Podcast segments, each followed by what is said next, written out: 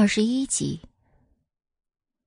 莫千行赶到医院的时候，林雨柔还在病床上躺着，林朗成和柳月如都在医院里看着林雨柔。莫千行赶到病房，并没有关门，他在病房前站定。林雨柔恰好看见，看到莫千行，他微微惊讶，然后娇娇弱弱的叫了声：“千行，你来了。”说着欲要起身。林朗成冷眼看了站在门前的莫千行一眼，又狠厉的看见见到莫千行欲要起身的林雨柔。你给我躺好。林雨柔被林朗成的眼神吓得不轻，连忙在病床上重新躺好。莫千行恭恭敬敬的叫了声伯父，然而他的恭敬之下，眼里却闪过一丝暗沉。如果让他找到林朗成做那些事的证据，他会亲自把林朗成送进去。但此刻还不宜打草惊蛇。伯父，林朗成知道莫千行理亏，因此讲话丝毫不留情面。进来吧，林叔，今天我来是给雨柔和林氏道歉的。不必了，你这样毫无担当的男人，我是不会再把女儿交给你的。如果你只是来道歉的话，那就请回吧。林叔叔，我知道这是我不好。现在我站在这里，只希望雨柔能够快点好起来，林氏和莫氏也能重归于好。莫千行，你太不把我们林家当回事儿了。要不是小柔死活不愿意打掉孩子，我连这个外孙都不会留的。林叔叔，您可以随意提条件。林朗成听了这话，眼神里立马闪现了一丝喜悦。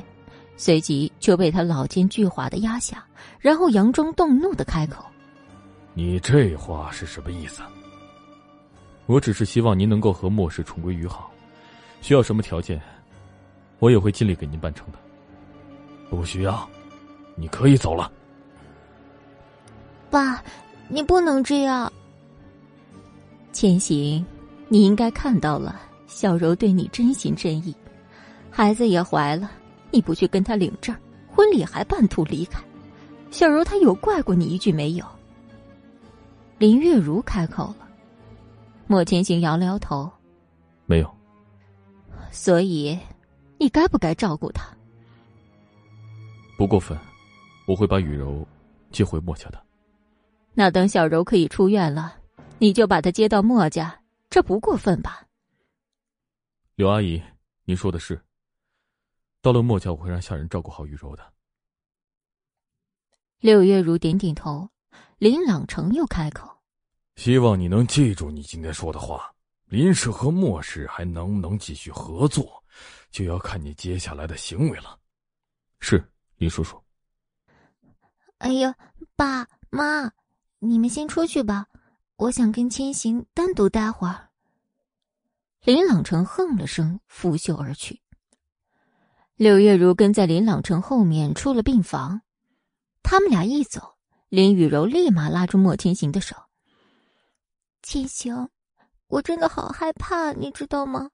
婚礼上那么多人，可是你丢下我一个人就走了，被那么多人看笑话。我当时就想，还不如死了算了。千行，你看看我呀。对不起。雨柔，莫千行对待林雨柔语气难得柔和一些，却也带了些僵硬。林雨柔把莫千行的手放在自己的小腹上。对不起，雨柔。我不要对不起，我只想你跟我在一起。千行，你能感受到吗？我们的孩子，他是一个活生生的生命，可是你在婚礼上就那样把我们母子丢下。你知道，就在我想死时，是这条小生命给我继续活下去的勇气，你懂吗？我们的孩子，给我希望。我知道了，玉柔。把你接到墨家之后，我会对你好的。真的是他的孩子吗？莫千行脸眸平静的说着，安抚林雨柔的话。真的吗，千行？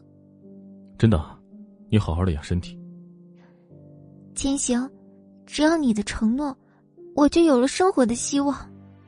听医生的话，我要先回公司处理事情，晚点再过来看你。这么快就要走了？算了，你去忙工作吧。莫千行没再回话，转身出了病房。在莫千行转身的那一瞬间，林雨柔脸上楚楚可怜的表情立马转为阴冷。过了一会儿，林雨柔拨通了柳月如的号码。妈，你跟爸都回来吧，都好了。看样子他已经对我心生怜悯了。莫千行一路上都有些心神不宁，这样轻易把林雨柔接到莫家，苏冉会不会生气？还有，林雨柔，哼，难道真的只是林朗城那个老狐狸满足自己野心的一颗棋子？想到林雨柔哭得梨花带雨的表情，莫千行终归觉得愧疚。林雨柔难道也是受害者吗？还有林家，实力根本大不如前，很多部门只是个空壳子，实力跟莫氏比，根本就是望尘莫及。道个歉只不过是为了孩子，为了莫氏集团的员工。林雨柔的病房里，柳月如拍了拍林雨柔的背。到底是我林家的女儿，争气，在莫千行面前啊，戏都能这么好。你哪只眼睛看到他争气了？他要真争气，还用得着我们出计谋把他送到莫家？恐怕莫氏早就被我们林氏收入囊中了。爸，我都这样了，你还不满意呀？就是啊，老林，阿柔已经做得够好了。都是你惯的，一个个计划全被毁了，不然莫氏早就改姓林了。可是爸。最后能不能真的改姓林，不还是得靠我吗？是啊，老林，别生气了。爸妈，你们先出去吧，我自己一个人静一静。那行，你好好休息吧。柳月如推着林朗成出了病房，林雨柔的表情再一次变得阴冷。哼，你们一个两个，都只想利用我。莫千行。你不就是要利用我稳定莫氏的股票吗？从前我是一心想嫁你，如今你弃我于不顾，那就不要怪我无情无义了。带我去到莫家，一定会助理林氏。到时你让我丢的人，我一定会加倍讨回来。还有宋冉，你看我以后不玩死你个小贱人！宋冉刚出浴室，就连打了两个喷嚏。没有看到莫千行的踪迹，他心里一冷。莫千行对他的好，只是心血来潮吧？他明明那么恨他，把他留下只是为了折磨他，又怎么会真心对他好呢？二十二集，莫千行回到公司后，大大小小的文件就没停过。虽然逃婚的新闻席卷网络，让莫氏的股票有所波动。但是这次的热门新闻大大增加了莫氏的知名度，不只是商界，就连小市民都忍不住对莫氏和莫千行好奇，找了许多资料，脑补了很多狗血豪门虐恋，因此莫氏的知名度不止在商界响当当，在普通大众当中也是叫得开的。在如今这个流量当道的社会，莫氏作为主打设计的公司，无疑为许多家公司减少了宣传成本。因此，末世的设计显得更有含金量。大大小小的合作不断向末世传来，只是同样，作为热门新闻主角的林氏境况要糟糕很多。不但没有新的合作，反而有许多八字就差一撇的合作都黄了。因为莫千行逃婚一事，在南方是花边新闻，白马王子抛弃公主去找灰姑娘，满足了普通大众对豪门的想象；而对于女方，则是怨妇被抛弃。再一则，莫千行长着一张勾人的妖孽脸，说是能把小姑娘迷晕也不为过，而且年轻又多金，完全就是姑娘们的梦中情人，传说中的钻石王老五。因此，路人缘要多好有多好。而林雨柔虽然在婚礼上哭得梨花带雨，分外惹人怜爱，但是总着带着目中无人的高傲气息。网友们都说，绿茶婊的代表，天生的招黑体质。林朗成对着一份解约文件，在办公室里咬牙切齿。莫千行，我定要把你莫氏收入我林氏囊中。林朗成把海伦叫到办公室。海伦老师来了。林总，不要这么客气，叫我海伦就可以了。好，海伦呐，你来我们林氏也有一段时间了吧？是。各方面差不多都适应了，啊，是这样的，你是我高价聘来的，我觉得你从那么多家向你发出邀请的公司里，选择我们林氏肯定是有你的想法。刚刚的新闻，你应该也知道，现在的情况呀，对我们林氏特别不利，所以我想请你快一些设计出更好的作品，给我们林氏助个力，好吧？我知道了，林总，我的作品会在元旦之前完成的。好，海伦呐，到时候一定给你最高的利益。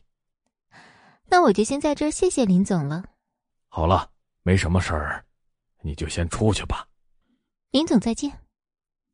说完，海伦踩着高跟鞋，摇着满头的奶奶灰大波浪，出了林朗城办公室的门，回到独立个人办公室。我这难得一次的高级灵感，产出这么好的作品，就得贡献给林氏了。不以独立设计师的身份，而是戴上林氏这顶帽子发表作品，真是生气。说完，又拨通齐军的电话：“喂，我说齐大少爷，你让我做的事儿，我可都做了。我那么好一作品，都得以林氏名义发表，心疼死我了。”知道了。谢谢你。一天了，还没从阴影里走出来呢，像这样可不行啊！齐大少爷，难道你就这点承受力？海伦，别说了。海伦刚想张口再说些什么，却听见电话另一端一声巨响，然后是噼里啪啦各种东西掉落摔碎的声音，手机嘟嘟嘟三声便挂断了。齐家，齐军。你还想颓废到什么时候？一整天不吃不喝，你这样宋冉就能知道吗？就能和你走吗？和你没有关系。你别在家里跟我耍威风，有本事的话，你就白手起家做个公司，和莫氏一样强大，直接去墨家把宋然抢出来带出国。祁连松，我说了，你没有资格管我。季军，我再告诉你一次。你妈妈的事儿和我没有关系，只要我还在一天，我就是你父亲，我就有资格教训你。真是我从小就把你惯坏了，这副样子不知道从哪里学来的。我的事和你都没有关系。啪的一声，祁连松双目猩红，手重重的落在齐军的脸上。祁连松打完齐军之后，双手颤抖着，不知说些什么。季军捂着脸，满眼的不可置信，眉毛几近要拧到一处。祁连松，你居然打我！尊重长辈，这是我从小就教你的事儿。你直接叫我名字，我作为父亲教训你不应该吗？祁连松语气虽仍然生硬，但声音却低了好几度。季军从客厅跑出去，钻进卧室里，把门重重锁上。为什么任何人和事都要和我作对？亲人是这样，为什么连宋然你都要一次次的让我失望呢？这一晚是这群在市府中浮沉的人难眠的一晚。宋冉在莫家偌大的宅子里辗转反侧，无法入眠。莫千行在办公室里熬了个通宵，仅有的能休息的时间，竟也满怀心事，睡意全无。齐军感叹自己身体的无力，怨命运的不公，恨自己为何不能早些回国，早些认识宋冉。林雨柔在医院冰冷的病房里抚摸着自己的小腹。莫千行，宋冉，我要让你们为那可笑的爱情付出代价。海伦对着设计图纸反复修改，这个难得的设计送给林氏难以收回。正如同他放在齐军身上的那颗心也无法再寻回。A 城的夜晚，灯红酒绿，歌舞升平。A 城的人儿深夜独自买醉，在舞池中央摇曳着自己的身姿。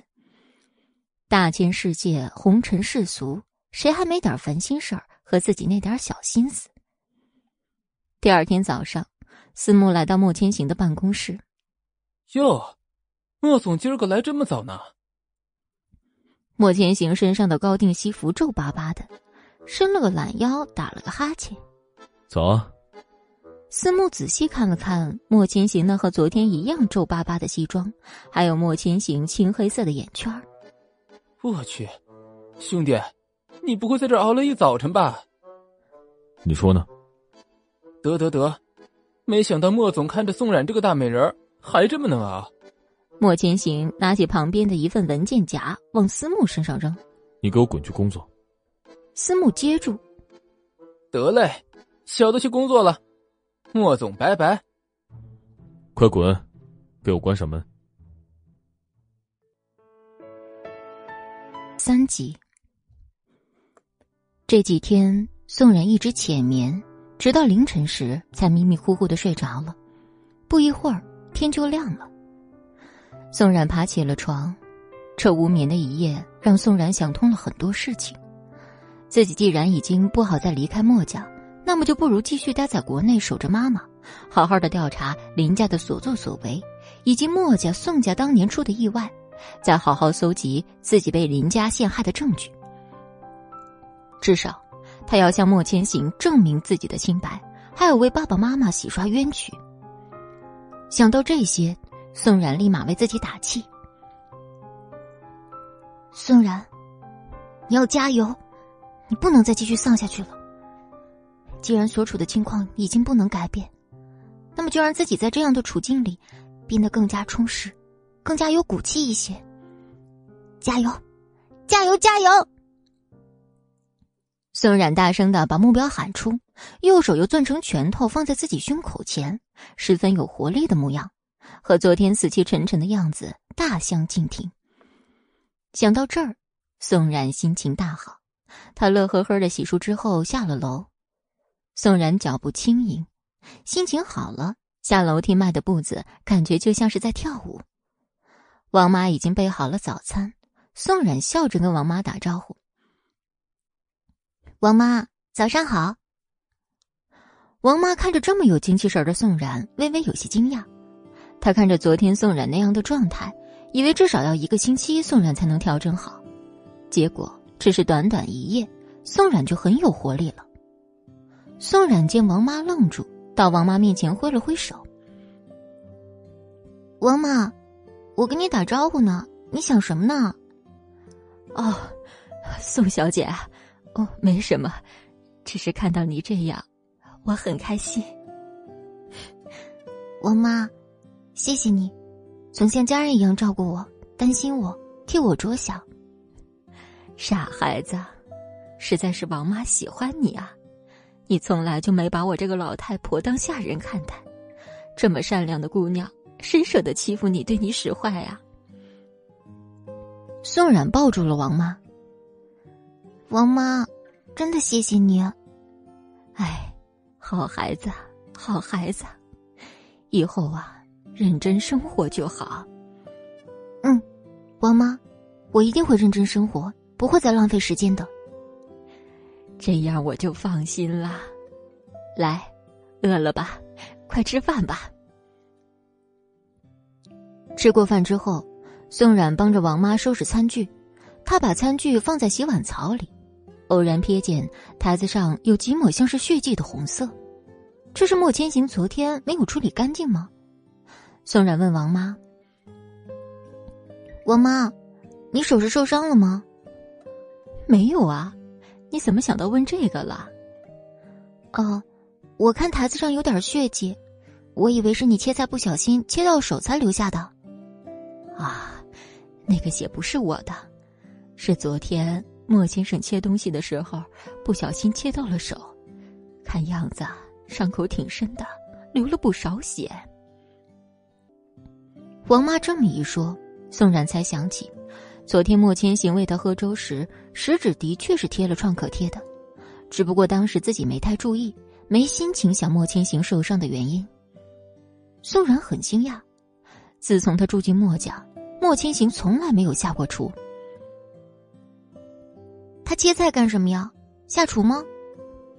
是啊，莫先生煮好了皮蛋瘦肉粥，让我送给你喝啊。我说我可以做，他还不同意呢。昨天呐，我在你房间就要告诉你，那碗粥是莫先生做的，可是被莫先生打断了。你瞧我这脑子，现在都忘了告诉你。宋然想，怪不得昨天那碗粥的味道那么熟悉，原来是莫千行做的。他怎么会突然做饭呢？怕是心血来潮吧。宋小姐，我在莫家工作这么久。可从来没见过莫先生给别人做饭，是是吗？是啊，宋小姐，我没必要骗你。那王妈，你先忙，我还有点事儿需要处理。好，宋小姐，你去忙吧。唉，这对冤家呀，还是得外人来让他们解开误会。王妈的话。让宋然很惊讶，莫千行居然会主动为他煮粥喝。宋冉强迫自己不要再去想莫千行，现在要开始做正事了。宋冉用之前祁连松给他的小手机拨通祁连松的号码，他心里已经有了主意。齐伯伯，是我，宋冉。我知道你还会再联系我的。宋冉在电话的另一端不由对祁连松佩服起来，自己还没说什么，看样子祁连松就已经猜出他要做什么了。齐伯伯，看样子你已经知道我找你是什么事儿了。是啊，从我知道齐军要带你走的那一天起，我就知道会有这么一天。齐伯伯，你的意思是？小冉呐。齐军真心喜欢你，也是真的想要带你走。可是你知道，他从小是被我保护着的，什么想法都太单纯，还是小孩子心性。可是莫千行不一样，他年纪轻轻就把末世重建成现在的 A 城代表的公司，可见其手段高明。况且当时莫千行在齐家把你给带走。就说明他不会轻易放弃你，而且我和你爸也算是不错的朋友。你和莫千行的感情，我多多少少有所耳闻。齐军对付不了他，所以你们逃走这个事情的结局，注定是失败的。齐伯伯，既然你知道会失败，为什么不阻止我们？齐军不会听我的话的，只有让他吃点苦头，他才懂得低头。您是我爸的朋友，我以前也见过您几面，可为什么从来没听说过齐军呢？齐军他身体不好，从小就一直在国外养病，也是一年前他才做了手术回了国。对外面我很少提起他，因为他是齐氏集团继承人，所以他身体的事情也没有向外人提过。外面那些风言风语，也都只是各类人的猜测罢了。季伯伯，你放心，我不会跟外人提的。宋冉知道，季连松告诉他这些是已经信任他了，所以他一定会信守承诺，闭口不提齐军身体的事儿。嗯，小冉，你也放心，我会和你合作，帮助你找出林氏的把柄，证明你们一家人的清白的。是，谢谢齐伯伯。自己，莫氏集团，莫千行换了在公司里准备的西装，继续批文件。过了一会儿，慕云送了早餐进来。总裁，听司总说您熬了一宿，他让我给您买点早餐，您先去吃点东西再忙吧。嗯，你放桌上，我待会儿吃。司总说让我看着你吃，不然你待会儿饭就凉透了。这小子居然叫你来管我，看我待会儿不收拾他！司慕在办公室里连打了两个喷嚏。啊，司总也是为您好，您就先吃了吧。知道了，你快去忙吧。说完，拿起热豆浆喝了一大口，还有楼下卖的生煎，看上去让人挺有食欲的。吃完早餐，莫千行又批了将近一上午的文件。这期间还有大大小小的合作伙伴电话打来，要么是约莫千行吃饭的，要么就是延长合作期限的。中午，公司里的人陆陆续续走了个差不多，只剩下几个工作还没完成的，让同事给带饭。莫千行挂了一个合作伙伴的电话，舒了口气，这几天堆积的工作总算处理完了。思慕敲了敲莫千行办公室的门，进。老大，还忙着呢。刚忙完。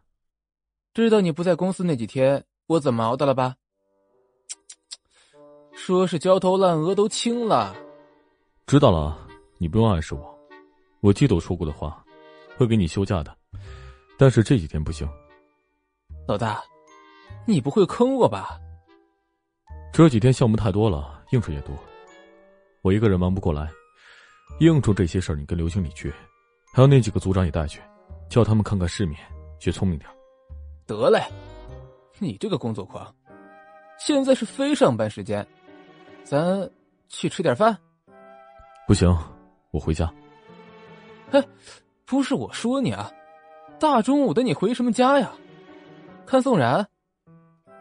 莫千行翻了个白眼。我发现你最近话很多啊。司慕捂住嘴。呃，老大。是我错了，你想去哪儿去哪儿，我不多嘴了。莫千行看似是个冰山，但在司慕面前嘴炮技能满分，和司慕互怼，莫千行从来没有输过，所以司慕早早认输，才不会对莫千行怼得更惨。莫千行拿起阿玛尼的大衣，一边走一边套在西服外面。我今天下午就不回来了，有什么重要的事儿打电话给我，文件发我邮箱。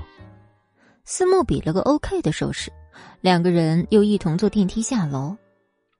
临近元旦，没了空调暖气，A 城这座北方城市还是挺冷的。到了楼下，莫千行和思慕分开，思慕去吃午饭，莫千行回了莫家。莫千行回到莫家时已经一点多了，宋冉吃过午饭，此时王妈正在收拾餐桌。莫千行刚进大厅，就听到楼上传来钢琴声。莫千行看了看楼梯，王妈注意到莫千行的视线，开口道：“莫先生，宋小姐在二楼寝室。”知道了。莫千行轻手轻脚的上了楼梯，没有发出什么声音，门也没有关紧。莫千行缓缓推开门，宋冉依旧没有察觉。莫千行就站在门口听宋冉弹奏月半小夜曲，宋家教养极好。教出来的宋冉虽不能说琴棋书画样样精通，但也是德艺双馨。那时的宋冉简直就是天之骄子，家境优渥，长相漂亮，性格开朗又善良，最擅长弹钢琴与古典舞，成绩也是上等。再加上还有莫千行这么一个男朋友，可谓是人人羡慕。《月半小夜曲》这首曲子就是当时莫千行喜欢听，想让宋冉弹给他听的。宋冉听了一遍，轻轻开口：“这首曲子太伤感了，我不喜欢弹，像失恋一样。”那时的莫千行还只是个少年，他揉了揉宋冉的头发，宠溺的笑：“好，你说不谈就不谈，我都听你的。”如今莫千行没再要求宋冉弹给他听，宋冉却主动弹起来，平缓哀伤的调子，听得莫千行内心一动。曲子弹完了，宋冉伸了伸胳膊，转转手腕，回头看到莫千行靠在门框上，眼神温柔的看着他。那一瞬间，宋冉都怀疑是自己看错了。他好久没有从莫千行眼中看到那样的神采和温柔。莫千行出了神儿，并没有注意到宋冉已经看到他，并且看了他良久。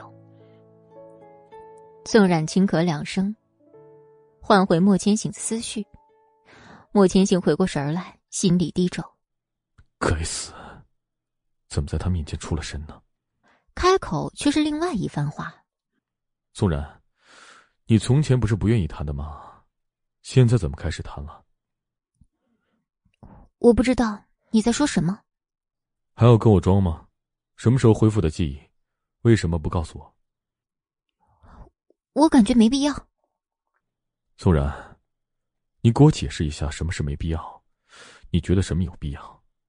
宋冉刚要开口和莫千行抬杠，莫千行的手机铃声就响起来。喂，雨柔。嗯，千行，我想出院了，你能来接我吗？你恢复好了？还没有，医生和护士还不同意我出院呢。但是我想你了，你过来接我出院吗？嗯，那你在医院等我一会儿，我马上过去。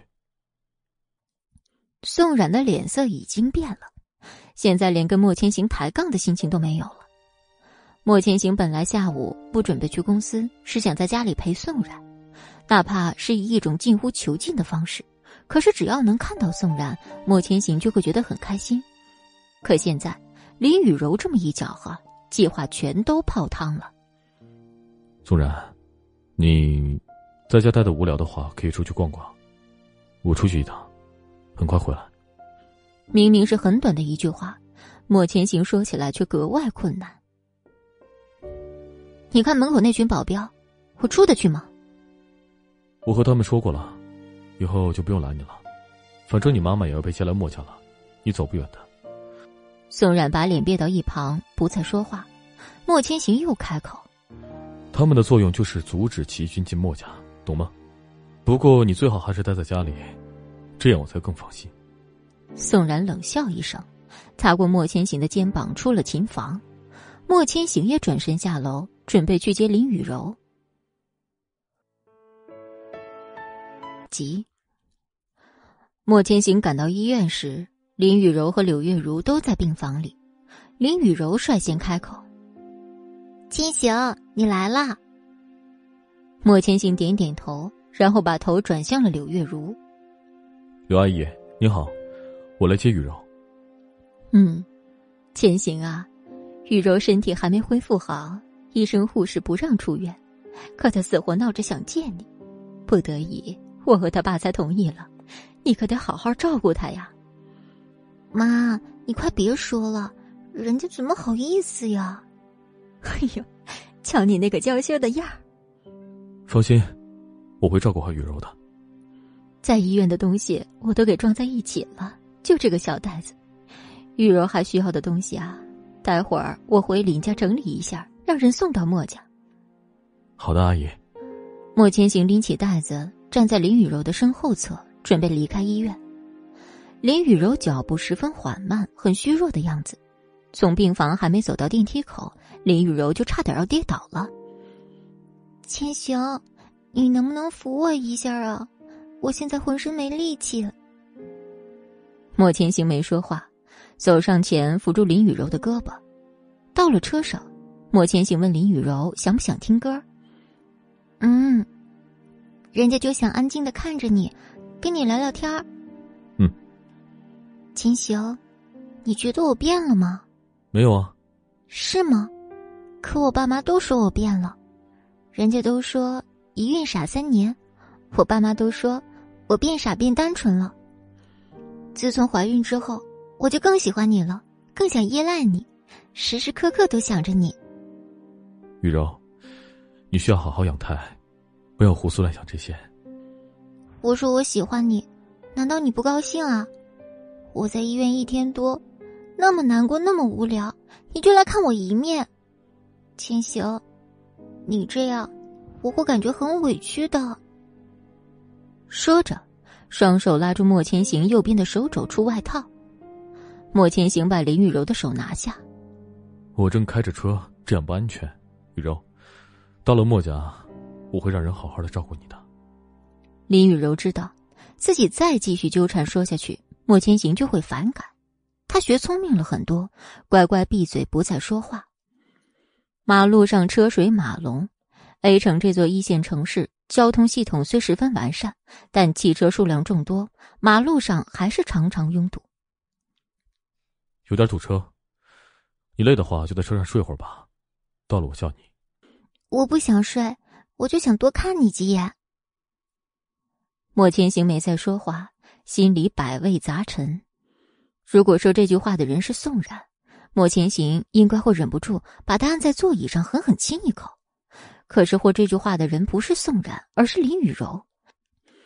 这不仅没撩到莫千行，还让莫千行有些反感。莫千行回到家时，宋冉正坐在客厅沙发上看书。宋冉看得很入神。莫千行坐在沙发上，沙发微微凹陷下去。宋冉抬头看了一眼莫千行，与此同时，也看到站在莫千行身边的林雨柔。宋冉本没打算跟林雨柔说些什么，正准备低下头，林雨柔就开口了：“宋小姐，不打个招呼吗？”林小姐，您请便。林雨柔坐在莫千行旁边，双手挽着莫千行的胳膊。千行，人家以后要住哪儿啊？你带人家去看看房间嘛。宋然有些难以置信，林雨柔居然要搬进来住吗？莫千行抬头，用似笑非笑的表情看着一脸吃惊的宋然，玩味的开口：“宋然，你把雨柔带到客房里看一下。”宋然站起身。面色冷漠，强迫自己客客气气的说话。林小姐，请你跟我来。哪知林雨柔根本没有要起身的意思，靠莫千行更近了。千行，客房在几楼啊？一楼和二楼都有。可是千行，你不是住在二楼吗？我想跟你住的近一点，我能不能去二楼呀？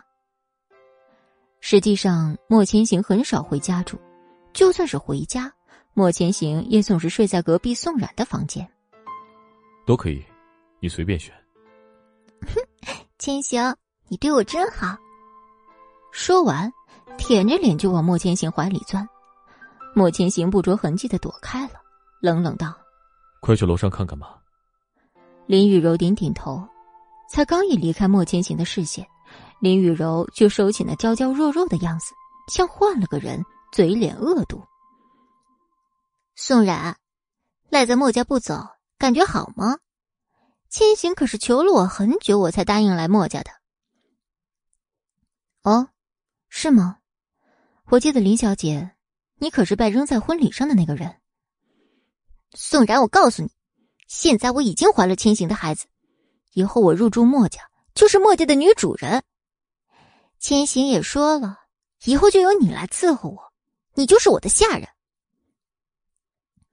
林小姐，人间人祸变幻的样子可真大。您这样，莫千行知道吗？宋冉和林雨柔刚着，心里却因为林雨柔说的话而难过。莫千行真要自己做林雨柔的下人吗？他可知道林雨柔这副恶毒的嘴脸。从二楼看完房间下来，看到莫千行，林雨柔眼含泪花。就要哭出来的样子。千行，楼上那两间客房时间久没人住，又冷又湿，我住在那儿会腰疼的。而且我是要长期住在这儿的，怎么能一直住客房呀？那你想怎么办啊？我刚刚在楼上转了一圈，觉得宋小姐房间很好，采光、通风都不错，我就跟她提了下。我都没说。我要取代他住进那间房，宋小姐就就就什么？就说了很多难听的话，骂我，说就算我跟孩子一尸两命，他也不会让出那间房的。可是我都没说要住进去啊，我只是随口说了一句，羡慕他能住那么好的房间。宋然，是真的吗？莫千行。我说不是真的，你会信我吗？莫千行冷着脸没回答。宋冉同莫千行对视良久，点了点头。好，很好。就算我真的说了又怎么样？宋冉，你居然真的会说出这种恶毒的话？是啊，我本来就是这么恶毒的女人，你不知道吗？宋冉。你要一尸两命的是我的孩子，你觉得我会轻易的饶过你吗？二十六集，宋冉不回避莫千行的眼神，失望充满了宋冉的眼眸。莫千行，你不觉得自己很愚蠢吗？宋冉，谁给你的胆子和我这样说话？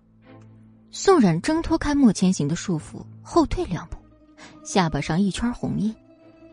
宋冉站在莫千行和林雨柔中间，林雨柔想要跨过宋冉和莫千行挨得近一点，顿时林雨柔摔倒在地。宋冉，我知道你不欢迎我来莫家，可我这还有孕在身呢，你就算看我不顺眼，你也不能害我跟千行的孩子呀。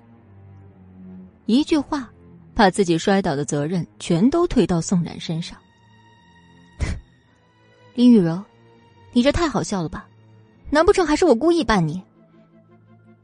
宋冉，如果你承认的话，我是不会怪你的。以后我在墨家，我们可以做好姐妹啊。林雨柔坐在地上，拽了拽宋冉的裙角。宋冉笔直的站着，活生生成了宋冉把林雨柔欺负成小可怜的画面。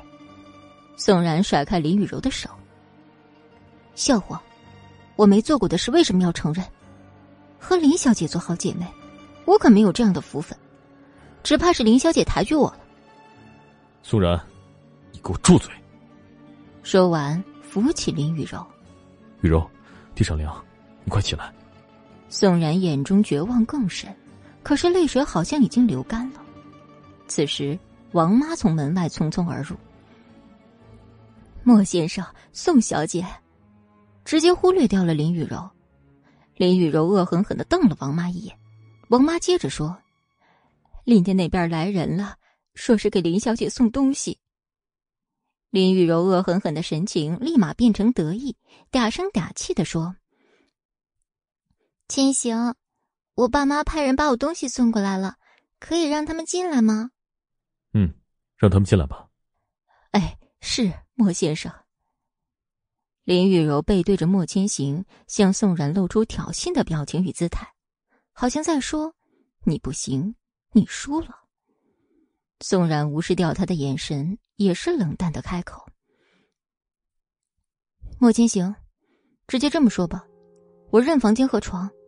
如果你想我继续住在莫家的话，就休想我给他让出房间。”你敢威胁我？你非要这么觉得的话，我也没有办法。莫千行对宋冉的这种毫不在意的语气十分不满，微微有些怒意。过了一会儿，有林家人把东西送进来，走在最前面的林家管家毫不认生，走进莫家，指挥着下人搬东西，像是在自己的地盘。王妈在一旁站着，管家看到大声呵斥：“你在那儿站着干什么呢？不知道还有这么多活吗？”别人都在忙，就你一个人站着。我家养你是养了个废物吧？王妈知道自己不能同他顶撞，只能忍气吞声。宋然眼疾手快的去拦住王妈，王妈微微一愣。林家的管家开口：“怎么？这是谁呀？我使唤个下人，这位小姐也要拦着吗？要不然这位小姐也帮着搬东西。”第一。你没有权利随意使唤墨家下人。第二，王妈是墨家请来做饭的，不是帮你干杂活累活的，懂了吗？主宾知道吗？还要我再给你讲一遍吗？王妈拉拉宋冉的袖口，低声说：“宋小姐，你不用为我这样，我忍一忍就过去了。”王妈，这事你不用管，我来处理。管家继续开口。那听这位小姐的意思，今天我们林小姐的行李是搬不成了。说完，又看向莫千行，莫先生，您看这怎么解决？接着搬吧。一名林家下人把一个大行李箱拉进来。小姐，太太让我把这个交给你，说是让你快点打开看看。林雨柔一边说着“是什么呀，搞得这么神秘”，一边打开行李箱。打开箱子，一整箱的婴儿用品映入眼帘，有婴幼儿的玩具，迷你可爱的衣服、帅气的小西装、漂亮的小裙子，应有尽有。我都跟我妈说了，这些先不用送过来，她怎么还是给我送过来了？太太说这些东西早晚都用得着。青行，你看，这些都是我给我们孩子买的衣服和玩具，是不是很可爱？这些都是你准备的。对啊，因为不知道是男孩还是女孩，我就都买了。因为想到肚子里的宝宝，看这些迷你的衣服就觉得好可爱呀。可以，都搬进来吧。对了，千行，你还没告诉过我你喜欢男孩还是女孩呢？都好。宋然嘲讽一笑，他还记得自己曾经也问过莫千行这个问题，当时他的回答是喜欢女孩，女孩像你多可爱啊。可是他现在说都好。林雨柔的行李差不多都搬进了客厅，占据了不少空间。秦霄，东西都搬的差不多了，我到底要住哪个房间啊？你喜欢的那间。宋然好像早就知道莫千行要说的这句话，连惊讶都没有。莫千行，我是不会搬房间的。宋然，这是在莫家，我是主人。我限你在十分钟内把你的东西全部搬出来。千行，这样做宋小姐不会怪我吧？而且十分钟之内，宋小姐一个人怎么搬得完啊？多给她点时间吧。好，听你的，宋冉，限你在二十分钟之内把你的东西全部清理出现在住的房间。莫千行，你不要后悔。宋冉，我还没为谁后悔过。哦，不对，要说后悔的事，还得说起你。我这辈子最后悔的事情，就是认识你。很好，我搬，我这就搬。只希望莫千行，你以后不要因为知道真相和今天的决定而后悔。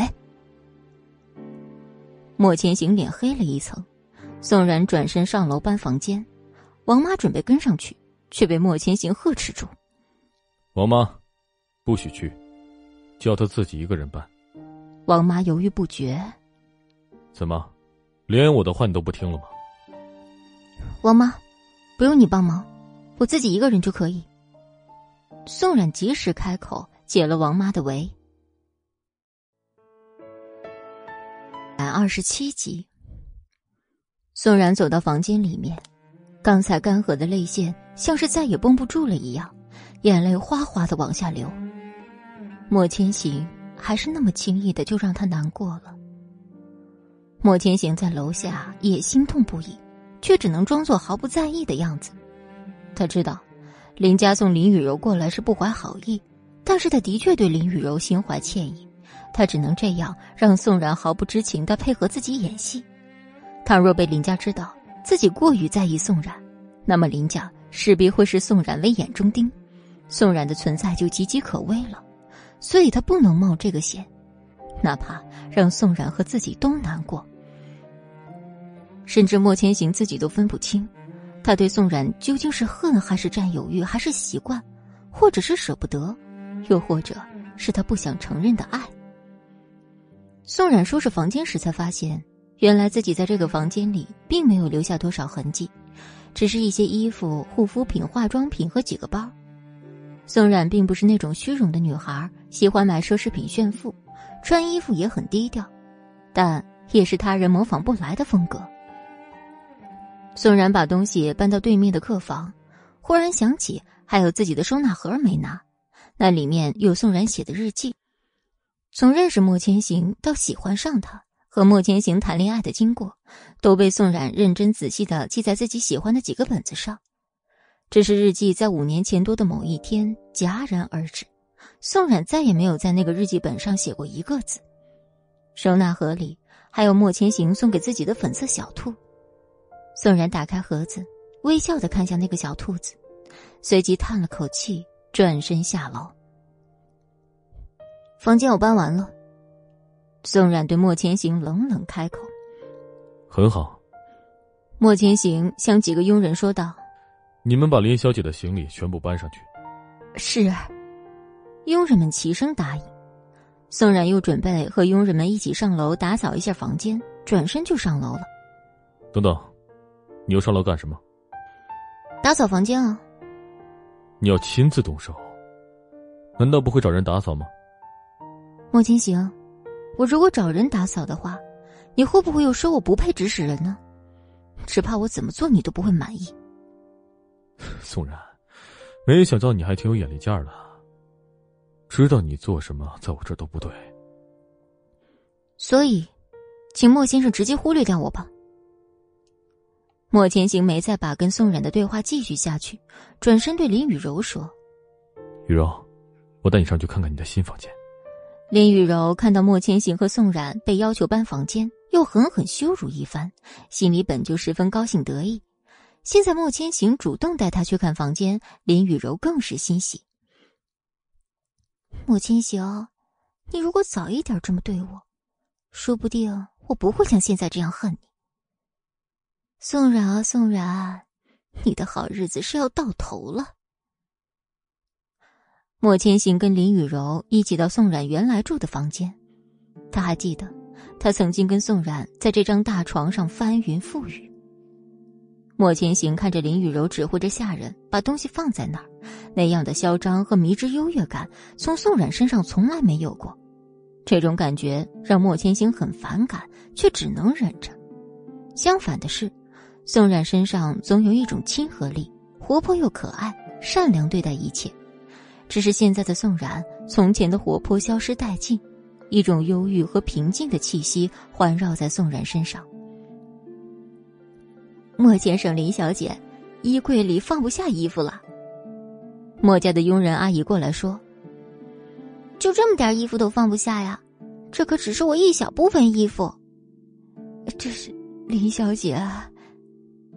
莫千行走过去看，安装的两个衣柜的确不算大，可宋冉一年四季全部的衣服都放在里面，也没有提过衣柜空间不够。现在林雨柔只是拿来一小部分衣服就放不下了，那宋冉的衣服对比林雨柔，真的只是凤毛麟角吗？莫千行想到此，雨柔，我会让人在顶衣柜送上来装上的。千行，你对我可真好。佣人们听到这嗲声嗲气的语气，鸡皮疙瘩都要抖下来了。宋冉在对面的客房里忙个不停，又没有佣人帮他，大冬天的，宋冉都忙出了满身的汗。莫家里人比较少，所以佣人也不多。佣人们因为莫千行不常常回家而偷懒，客房只有在提前接到会有人入住的消息时才会被打扫。此时角角落落都落了不少灰尘。宋然以前虽不是被娇惯坏的大小姐，但是这种活也的确没干过。现在做起来总有些手忙脚乱，不知前后顺序。宋冉清理角落时没戴口罩，灰尘飞溅，呛得宋冉连续打了两个喷嚏，有些狼狈。王妈看不下去了：“莫先生，宋小姐从没干过这样的粗活我能不能去帮帮她呀？”林雨柔恶狠狠的瞪了王妈一眼。随即转换语气，开始卖惨。千行，要不然你去帮帮冉冉吧，我不像冉冉那样娇惯。莫千行看了林雨柔一眼，冷冷开口，却是简短的两个字：“不必。”秦行，虽然冉冉她不愿意把房间腾出来，说了很多恶毒的话，又不小心害我摔倒，可是我不怪她，我以后在墨家还想和她做好姐妹呢。你就不要因为我惩罚她了，你让我去帮帮冉冉吧。我说了不必，你还怀着身孕，做这种活不好，而且我答应了刘阿姨好好照顾你的。莫千行故意把这两句话说的很大声，声音足够让对面房间的宋冉听到。莫千行想宋冉听到这话会怎么样，最好是会吃醋，可宋冉什么反应都没有，甚至连头都没抬一下。宋冉听得很清楚，但他又何必在意呢？莫千行看到毫无反应的宋冉，微微有些怒意，接着说：“更何况，本来就是这个女人自讨没趣，不知好歹。”宋冉依旧听得清楚，也依旧头都没抬。林雨柔听到这番话，嘴角都要上扬到鼻子上去了，身体更是飘了。宋冉最后把床单铺好，站起身子，拍了拍手掌。大功告成。丝毫不见伤心沮丧的样子，莫千行怒气更甚，恨不得现在就把宋冉就地正法。宋冉在手机上订了一款厂家包装的窗帘和几款床上五件套。宋冉不喜欢这间客房的窗帘过于厚重，而且没有网纱。床上五件套用的时间久了，也有些看腻了。宋冉想，如果马上要把妈妈接过来的话，那么就给妈妈也准备几套吧，窗帘也换成妈妈喜欢的风格。宋冉走出现在已经成为自己卧室的客房，看向莫千行：“我妈妈。”什么时候能接过来？正在和医院那边协商，指定医疗团队购买医疗器械，最迟后天。可以让我妈妈住在我旁边那间客房吗？和我离得近，方便我照顾她。如果可以的话，我现在就去打扫房间。随你便。谢谢。莫千行听着这句谢谢，很不是滋味宋冉居然已经跟他生疏到现在的地步。林雨柔紧紧拉着莫千行。金行，都下午了，人家还没吃午饭呢，都饿了。你陪我出去吃饭吧。好。还有还有，我想把这附近逛逛，熟悉一下环境。医生说了，经常散步对胎儿好。好。宋冉并不在意林雨柔的嗲声嗲气和莫千行对林雨柔的百依百顺，好像已经习惯了。宋冉回到为妈妈准备的房间里，继续打扫。全部处理干净时，宋冉已经筋疲力尽。他伸了个懒腰，准备打开热水器洗个舒舒服服的澡。王妈就在这个时候跑了进来：“宋小姐，外面有你的快递，要签收吗？”“快递？对呀，是你的快递，没错。可我才订的家居用品，应该没这么快送来吧？”快递员说：“是你呀，没错啊。”好吧，那我出去看看。宋冉把准备好的衣服放到床上，出了房间，下了楼，隔着大门还很远。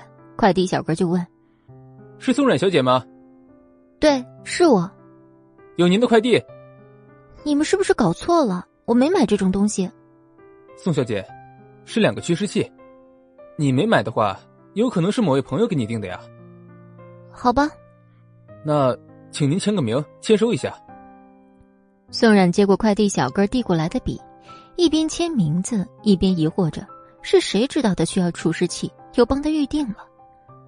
宋冉签收完之后，快递小哥走了几步，拨通一个号码：“莫先生，您要的驱湿器东西已经送到宋小姐手里了，还有衣服和衣柜需要明天才能送到。”很好，你们经理这个月底会给你加奖金的。谢谢莫先生，谢谢。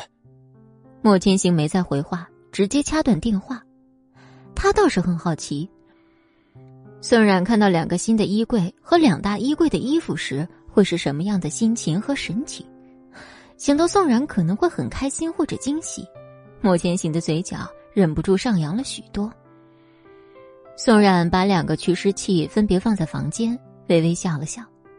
宋冉住的这间客房后面就是莫家别墅的后花园冬天虽然万物枯零凋萎，但也有几朵梅花在傲雪中凌霜绽放。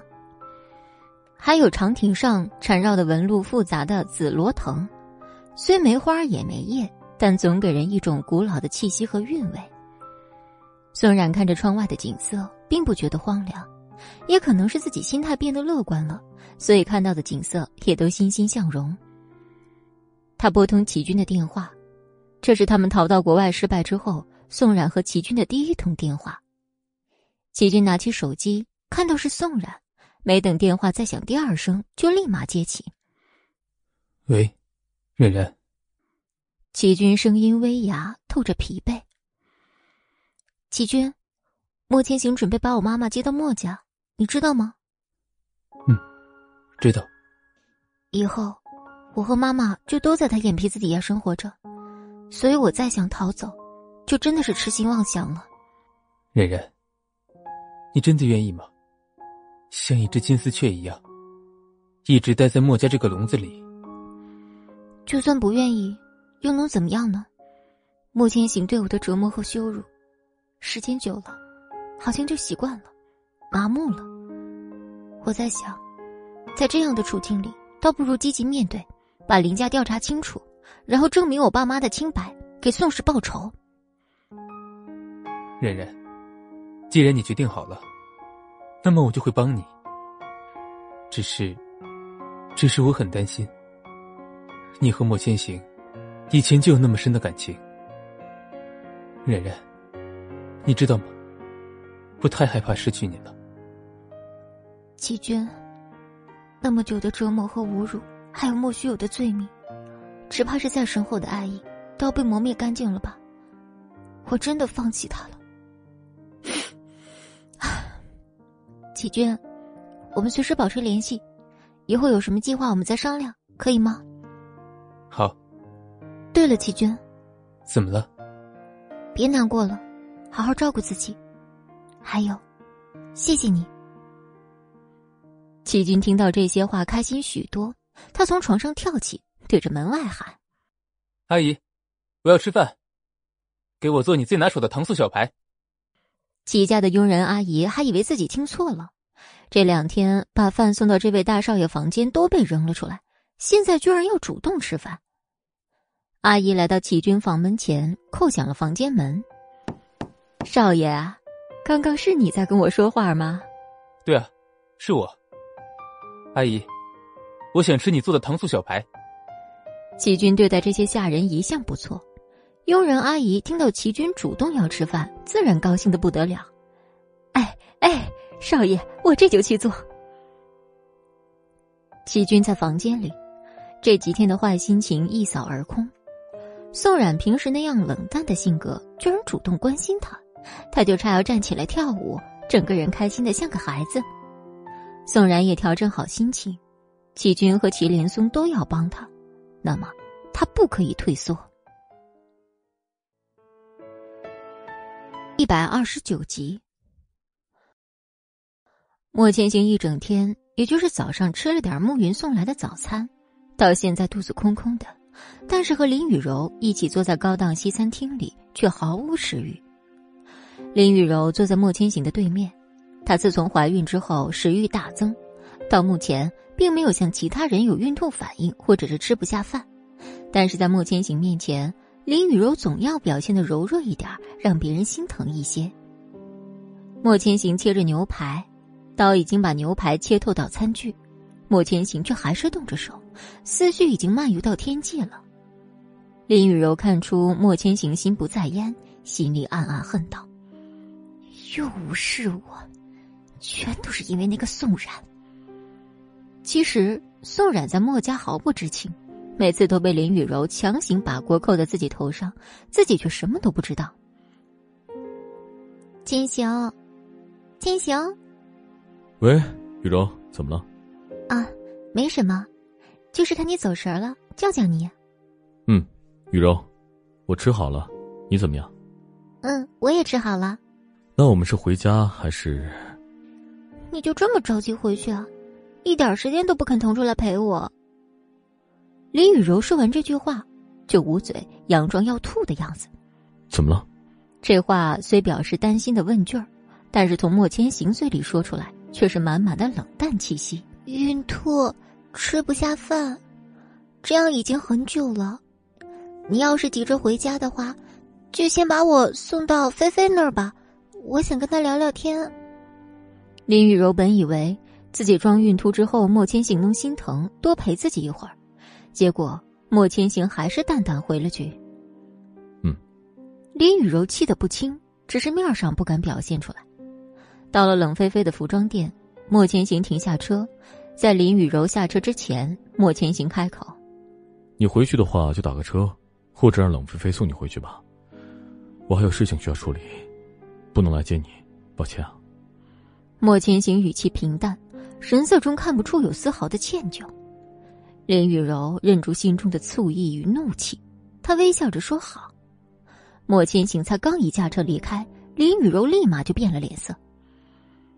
我一定会让你对我的冷淡付出代价的，莫千行。莫千行开着车扬长而去，哪管林雨柔在后面咬牙跺脚。莫千行一路上一直在想，对宋冉是不是过于苛刻？要怎么样才能不让宋冉太难过，而且让林雨柔觉得自己讨厌宋冉呢？既然想让宋冉一直平安的待在自己身边，那么就要用特殊的方式保护他，否则林朗成那个老狐狸一旦出手，后果不堪设想。他再也承受不起失去宋冉的代价，那种感觉仿佛是在几万米的高空中飞机失事，玻璃板碎裂，肉体被冰冷的刀子风刮般头疼难忍，胸部被挤压着，像是下一秒再也呼吸不到空气。这种痛苦的感觉，莫千行一辈子都不想再尝试了。莫千行回到莫家后，直奔宋冉的房间。宋冉没有关房门，莫千行望眼欲穿的看到宋冉消瘦的背影。宋冉靠在窗户上，窗户开着，A 城冬天冷冽的风吹着宋冉的长发，拍打在窗子上，发出呜呜的声音。莫千行问宋冉：“你在干什么？”宋冉似乎有些惊讶，莫千行出现在这儿，因为他和林雨柔出去还不到一个小时。我在我自己的房间啊，还能干什么？我是说你靠在窗户边神思什么？不嫌冷？或者说你想寻短见？拜托你寻短见，到高一点的地方好吗？死的彻底一点，我也不会救你。不好意思啊，莫先生，我还没活够，我还没把害我宋家家破人亡的人揪出来。还有，我宋氏集团，你觉得我会眼睁睁看着他一直在一个外星人手里吗？宋然。你别只是逞一时口舌之快，我倒是要看看你怎么救出你的仇人，还有怎么把宋氏集团夺回去。那莫先生，就请你拭目以待了。宋然，你他妈给我听好了，不管宋氏集团是谁的，你宋冉这个人只能是我的，听到了吗？宋冉对莫千行突然说这种话有些惊讶，已到喉头的我没听到，被莫千行的唇堵在了嘴里。莫千行对着宋冉的嘴唇狠狠啃噬，像是发泄，又像是惩罚。良久，莫千行才松开宋冉，喘着粗气：“你只能是我的，只能待在我身边，这样我才更好的折磨你，知道吗？”宋冉把头别到一边，冷哼一声。莫千行捏住宋冉的下巴，他强迫宋冉把头正过来，唇瓣又精准的附上去。到了动情之处，莫千行的双手托起宋冉的身体，重重把宋冉扔到床上。宋冉用手不断的挣扎抵抗着，莫千行抓紧宋冉的手腕扣在床上，唇瓣下移。别人只觉得莫千行这样年轻多金的钻石王老五应该是成日酒池肉林、流连花丛尽风流，但实际上，他清楚的记得，自己只碰过宋冉一个人。当然。除去早晨醒来三次看到林雨柔在自己的床上，不论是费尽心机已经爬上他床的女人，清纯的、可爱的、性感的，即便自己被下了东西，也会强忍着把他们赶出去。有一段时间，甚至有许多讨好莫千行的人以为莫千行喜欢男色，拼命的把男人往莫千行床上送，莫千行都忍着怒意把他们赶走了。更有离谱的传言说。莫千行年轻时留恋花丛，纵欲过度，如今能力有限，才把别人都赶走。直到莫千行宣布和林雨柔订婚，这些传言才不攻自破。但是，毕竟流传久了，还是有许多人觉得莫千行是个浪荡子。其实，莫千行都不知道，自己这些年面对着马不停蹄奔向自己的美女和美男，自己在矜持一些什么，只是自己打心眼里对他们有种抵触。而对宋冉，总有自己无法控制的情愫在心里泛起涟漪。莫千行，你对其他女人也这样吗？怎么样？如何？这么粗暴吗？宋然，其他女人可不像你这么自讨没趣，她们比你会伺候人。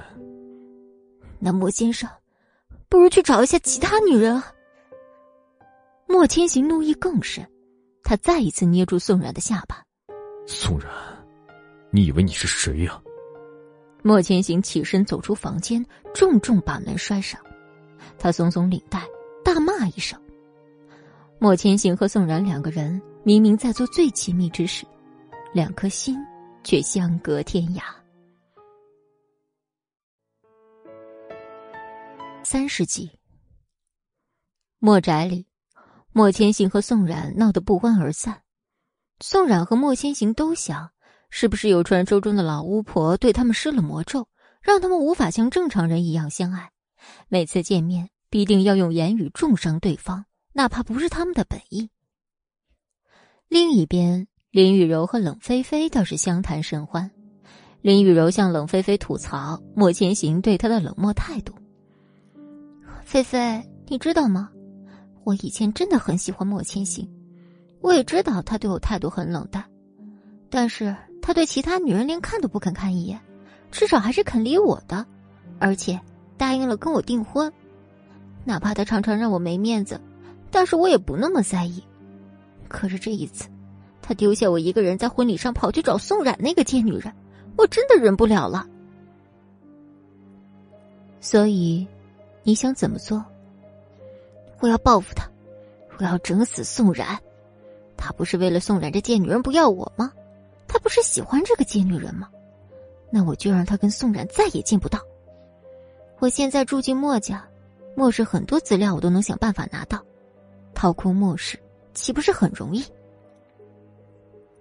冷菲菲点点头，右边的嘴角微微上扬，露出一抹玩味的笑。心里想着，这可真有趣儿。以前林雨柔交的朋友家境都不如林雨柔，几乎人人看上林雨柔的钱和大大咧咧、经常送奢侈品给朋友的性格，又或者想通过林雨柔认识富家子弟攀龙附凤。林雨柔清楚，因此和他们并不交心。但是冷菲菲和林雨柔以前交的朋友都不一样，冷菲菲自身就有条件，她既不差钱儿。追求者又一大把一大把的，自己在设计界还十分有名气，因此这样的人如果和自己做朋友，就不是贪图自己的钱和人脉。林雨柔相信冷菲菲是真的想跟自己做朋友，因此有什么计划和心思都跟冷菲菲讲。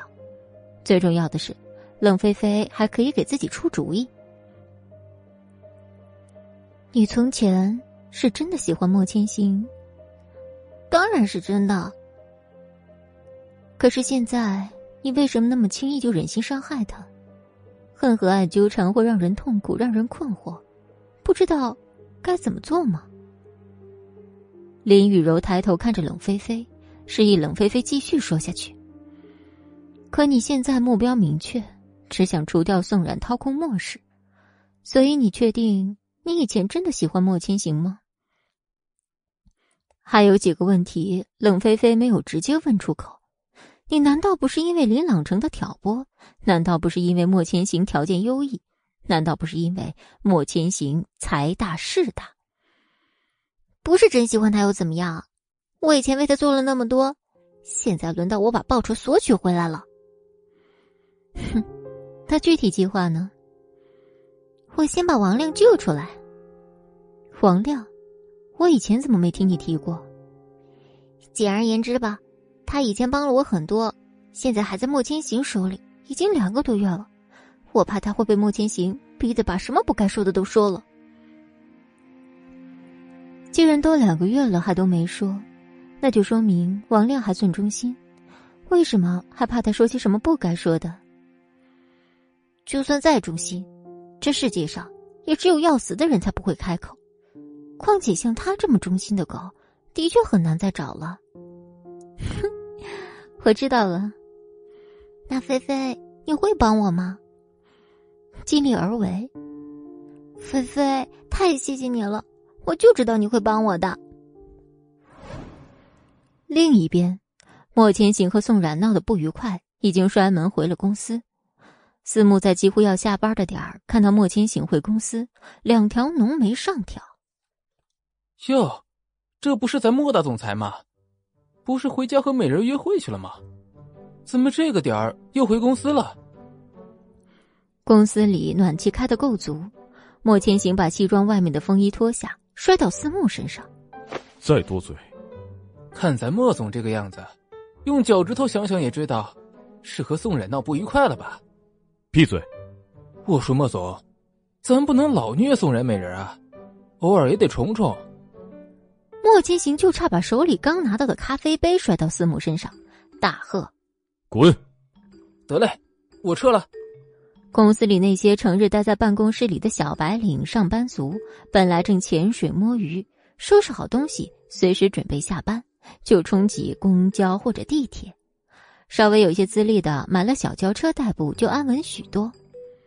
莫千行出现在一众小白领身后，冷冷开口：“莫氏集团不养闲人。”一众白领立即鸡皮疙瘩冒起来，身体抖了两抖，心道：“毁了，被莫总抓包了。”这已经是年末了，今年各家公司会在元旦前后举行一次设计比赛。再不交出能让我满意的作品，你们觉得承担得了后果吗？得，能让莫总满意的作品屈指可数。莫千行转身回到办公室，走过的地方好像都结了一层冰。小白领们看着莫千行的背影，感叹道：“长得帅又怎么样？还不是改变不了资本主义搜刮劳动人民的本质。”嫁给资本主义，不就不会被搜刮了？享清福好不好？可莫总那张冰山脸，谁受得了呀？要是我，分分钟被冻死。哎，你懂什么呀？那叫冰山总裁，人家条件这么优秀，成天舔着脸往莫总身上贴的人那么多，莫总要总是笑脸相迎，那还得了？我也这么觉得。如果让我天天看这张俊脸。莫总的脸再黑几度，我都能接受。你又胡思乱想什么呢？莫总都不会看咱们一眼的。这些小职员聚在一起，只要有八卦就能让他们开心，特别是关于最高级上司的八卦，根本聊不够啊。十一集，墨家，宋然百无聊赖的翻看着书，想起莫千行说的话。心里还是一阵阵的委屈和烦闷。看着窗外，夜色已经降临许久，月亮周围围着一层薄薄的雾，但很快又散开了。莫千行并没有回来。宋冉的手机铃声忽然在空旷的房间里响起，宋冉拿起手机，原来是齐军。喂，冉冉，我拿到了两张丹尼尔在 A 城音乐会的门票，明天上午十点钟，有兴趣吗？苏软听到丹尼尔的名字，立马兴奋起来。丹尼尔，是苏联的天才钢琴演奏家，丹尼尔·弗里特弗诺夫吗？是啊，他明天在 A 城有一场音乐会，据说丹尼尔还会请他的音乐家好友为观众演奏呢。只是名单还没有公布，说是要保持神秘。真的，我好久没有去看过音乐会了，还是丹尼尔的音乐会。当然是真的。我怎么会骗你？只是不知道莫千行能不能让你出来。现在莫家虽然还有保镖，但是不会拦着我出去的。你把地址发给我，我明天早上九点钟在音乐厅碰头。不用我去接你吗？齐军，你应该知道，莫千行防你防得紧。如果你到莫家来接我，只怕保镖又会拦着我了。那，好吧，地址在 A 城大剧院。我们明早在那儿碰头。齐军，谢谢你，总是给我这样的惊喜。冉冉，我现在最大的愿望，就是你能过得幸福。还有，愿意和我亲近一点，别再和我说谢谢。可是齐军，我不跟你说谢谢，我真的不知该怎么表达我的心情。以后你可以告诉我，你很开心，这样。我也就会很开心。好，那就晚安了。晚安，冉冉。你挂电话吧。嗯，拜拜。宋冉轻轻的说着，挂断电话。齐军听到嘟嘟嘟的声音，内心有些沉重。如果是宋冉让自己挂电话，自己一定舍不得先挂。可是，在他让宋冉挂电话时，宋冉毫不犹豫就挂了电话。这或许。就是爱与被爱的区别。齐军觉得，自己这辈子都不会主动挂宋冉的电话。齐军忽然狠狠的嘲讽了自己一番。齐军，你是个小女生吗？明明是你让冉冉挂的电话，为什么现在要这么矫情？你快正常一点好不好？站在房间门外的麒麟松听到齐军跟宋冉打电话时说的话，又听到齐军的自言自语，就要落到门上的手指立马收回。祁连松摇头叹了口气，转身离开了。宋冉挂了齐军的电话之后，把书放回书架，找出睡衣，准备洗个热水澡，好好睡一觉，然后养足精神去看丹尼尔的音乐会。莫氏集团里，员工都走尽了，整个莫氏大楼的核心位置只剩下莫千行、思慕和慕云三人。思慕最烦加班熬夜。我说，咱别一和宋冉闹矛盾就变工作狂，成不？不想加班，给我滚！那我们加班，别让人梦云一个女人陪我们熬啊！最重要的是，我到现在都没有吃晚饭，咱能不能先去吃点宵夜再回来加班啊？你先下班吧，回去好好休息。暮云点点头，看向思慕和莫千行。莫总，思总，再见。再见。再见。暮云走后，莫千行率先开口：“思慕。”我们两个是不是好久没有去喝一杯了？之前没在意，你今儿个这么一提，好像真的好久都没有坐在一起喝酒了。之前最困难的时候，谈一个生意，莫千行喝酒能喝到一个饭局跑三次洗手间。思慕也曾为莫千行挡酒，挡到轻微胃出血。莫千行虽然常常骂思慕，朝思慕撒气，但最信任的人可能也就是思慕了。思慕开车带着莫千行穿过层层繁华和点点烟火，来到一个不起眼的小吃街。莫千行有严重洁癖，从来不吃路边摊。看到这条街上的光景，莫千行皱了皱眉头，很不愿意的下了车。小摊上的人们相谈甚欢，并没有注意到莫千行和思慕他们开的是什么豪车。老板，这是我以前还是个穷小子的时候，常常来吃的路边摊。虽然都没有个正经地儿做生意，但的的确确是实惠。他们两个几十块管够，味道也很好，足够冲击味蕾。从下了车，莫千行一直扫视四周，撇下去的嘴和皱起的眉都表现出他的不满。小摊里人满为患，冬天里不少附近的人带着妻子儿女再来几瓶啤酒，点上一桌菜。其中还夹杂着三三两两穿着西装或者职业装的上班族。思慕好不容易找到一个空位，把莫千行拉过去，可莫千行还是皱着眉头不肯坐下去，磨磨蹭蹭了半天。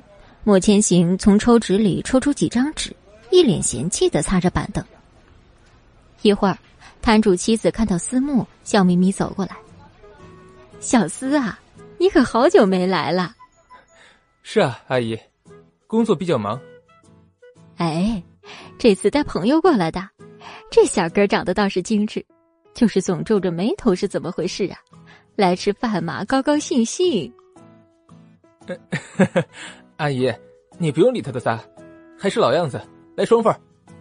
好的，等着呀。阿姨说完，两手大力扳过莫千行的身子，把莫千行摁在座位上，拍了拍手掌。爽朗的笑着离开。思慕看着莫千行像锅底一样的脸，有些幸灾乐祸的笑了。莫千行隐隐要发怒，阿姨的声音却又在了耳边。他利索的把两瓶啤酒放在桌上。喏，送你们的，一会儿常常带这个小哥过来玩。好的，阿姨。阿姨离开之后，思慕又开口：“ 看来。”只有像阿姨这样的性格，才能治得了你。思慕，你是又想死了吗？行行行，我不说话了，成不？咱喝酒，喝酒。菜很快上齐了，莫千行起初不肯动筷，思慕劝了几句之后，夹了一筷子，居然真的有那么一点好吃。只是莫千行死鸭子嘴硬，嘴唇不肯承认，可是手和不停咀嚼的嘴巴是骗不了人的。总之这一顿。莫千行吃的很开心，比众多六星级酒店吃的不知开心多少倍。只是如果没有跟宋冉吵架，宋冉现在就在他的身边，陪他吃这一顿饭，应该会很开心的。三十二集，莫千行已经许久没有沾酒了，以前在饭局上练出来的海量似乎都消失了。思慕一杯酒才刚喝完，莫千行一瓶酒就已经见了底。莫千行拿起旁边思慕那瓶啤酒，就要往杯子里倒，思慕连忙拦住。莫总，是我带你出来吃饭喝酒发泄发泄情绪，但也不是叫你这么个喝法呀。莫千行看了四木一眼，冷冷开口：“把手拿开。”得。说完，看向后厨的方向：“阿姨，再来四瓶酒。”好嘞。老板娘把啤酒放在桌上，又熟练的起开一瓶，递到莫千行跟前：“小伙子，咋了嘛？”不开心呢，看你穿衣服这个贵气的样子，不是工作问题喽，那就是感情问题嘛，失恋啦。思慕本来以为莫千行会回给阿姨一个大大的白眼儿，结果莫千行接过阿姨递过来的酒，是吵架了。吵架了，吵架了，男生就要主动认错，哄哄女生嘛，女生都是很好哄的喽。当年我老公哦，就是会说话，把我哄到手的。虽然他当时是个穷小子，长得也不好看，但对我好呀。男生嘛，就是要会说话嘛。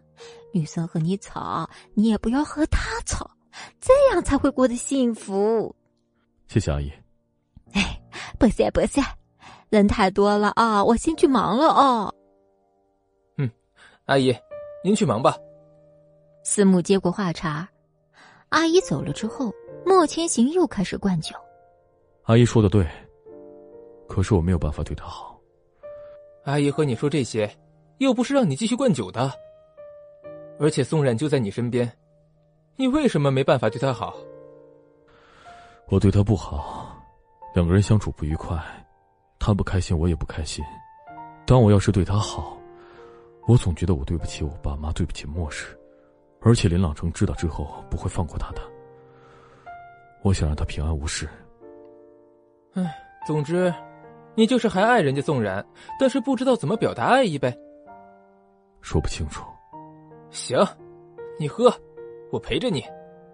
但是就这一次。莫千行又灌了两瓶啤的，双颊染上一层红色。思慕因为想到待会儿还要开车，就没再喝。莫千行已经醉醺醺了，可还是往自己杯子里倒酒。思慕朝老板娘的方向喊：“阿姨，钱我转给你了，我先走了。”“好的呀，以后常来哇，路上小心点噻。”“好，阿姨再见。”思慕扶着莫千行走到车边。虽然两个男人个头差不多，但思慕疏于锻炼，把莫千行塞到副驾驶的时候还是有些吃力的。上了车。思慕不知道该把莫千行送到哪儿，公司是不能去了，是去酒店还是回莫家，或者是带回自己家呢？就在思慕徘徊不定之际，莫大总裁开了金口：“回家，回家，找宋然。”只是咱莫总喝的有点大，吐字吐不清，思慕没听清楚。回你们家找宋冉吗？是这意思吗？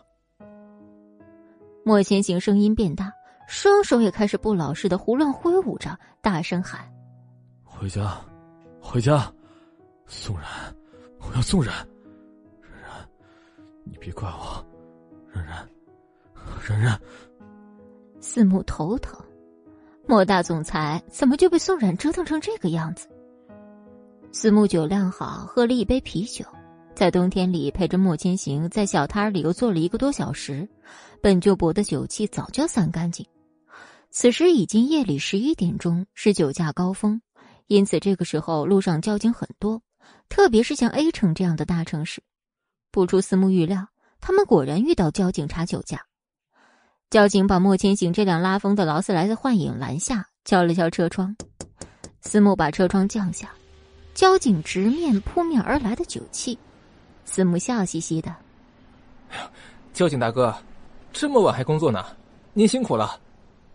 说着，从口袋里拿出一盒烟，递给交警。交警铁面无私，冷声道：“别跟我玩花样啊！这么大酒味儿，说吧，还用不用酒精检测仪上场啊？”交警的言外之意就是，你自己承认酒驾，还是我给你测出来？司慕为了省事儿，不想向交警解释太多。我是司机，这是我老板。出去谈生意喝多了，一个职业司机的基本职业操守就是不喝酒，对吧？咱是 A 城遵纪守法的好市民，可不会违规酒驾的。交警递过酒精测试仪，别废话，试试吧。司慕接过测试仪一吹，通过测验。司慕又笑嘻嘻的把测试仪递过去。嘿嘿，交警大哥，我就说了吧，我是遵纪守法的好市民。不会做违法的事的。好了，过吧。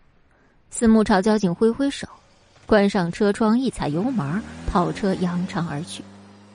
刚刚到墨家，司慕把车停在墨家的车库里，下车把莫千行拉出来。莫千行刚一出车门，立马秃了个天昏地暗，外层和里层的风衣西装都染上了污秽，酒臭味扑面而来。司慕捏了捏鼻子。只想快点把莫千行弄进去，交给宋冉。司慕又看了看莫千行现在和平日里判若两人的狼狈模样，叹了口气。莫千行清醒的话，无论如何也不会允许自己是这样的形象。司慕费了九牛二虎之力，才把莫千行扶到莫家的大门前。之前为了方便司慕出入莫家，莫千行特意把司慕的指纹和面部录入大门的智能密码锁。因此，司慕进入莫家住宅区没费什么力气。莫家专门为佣人在莫家别墅旁建了一座小房子，为他们提供住宿和其他生活条件。此时，这栋主别墅里只有宋冉一个人。司慕知道宋冉住在二楼，却不知具体哪个房间。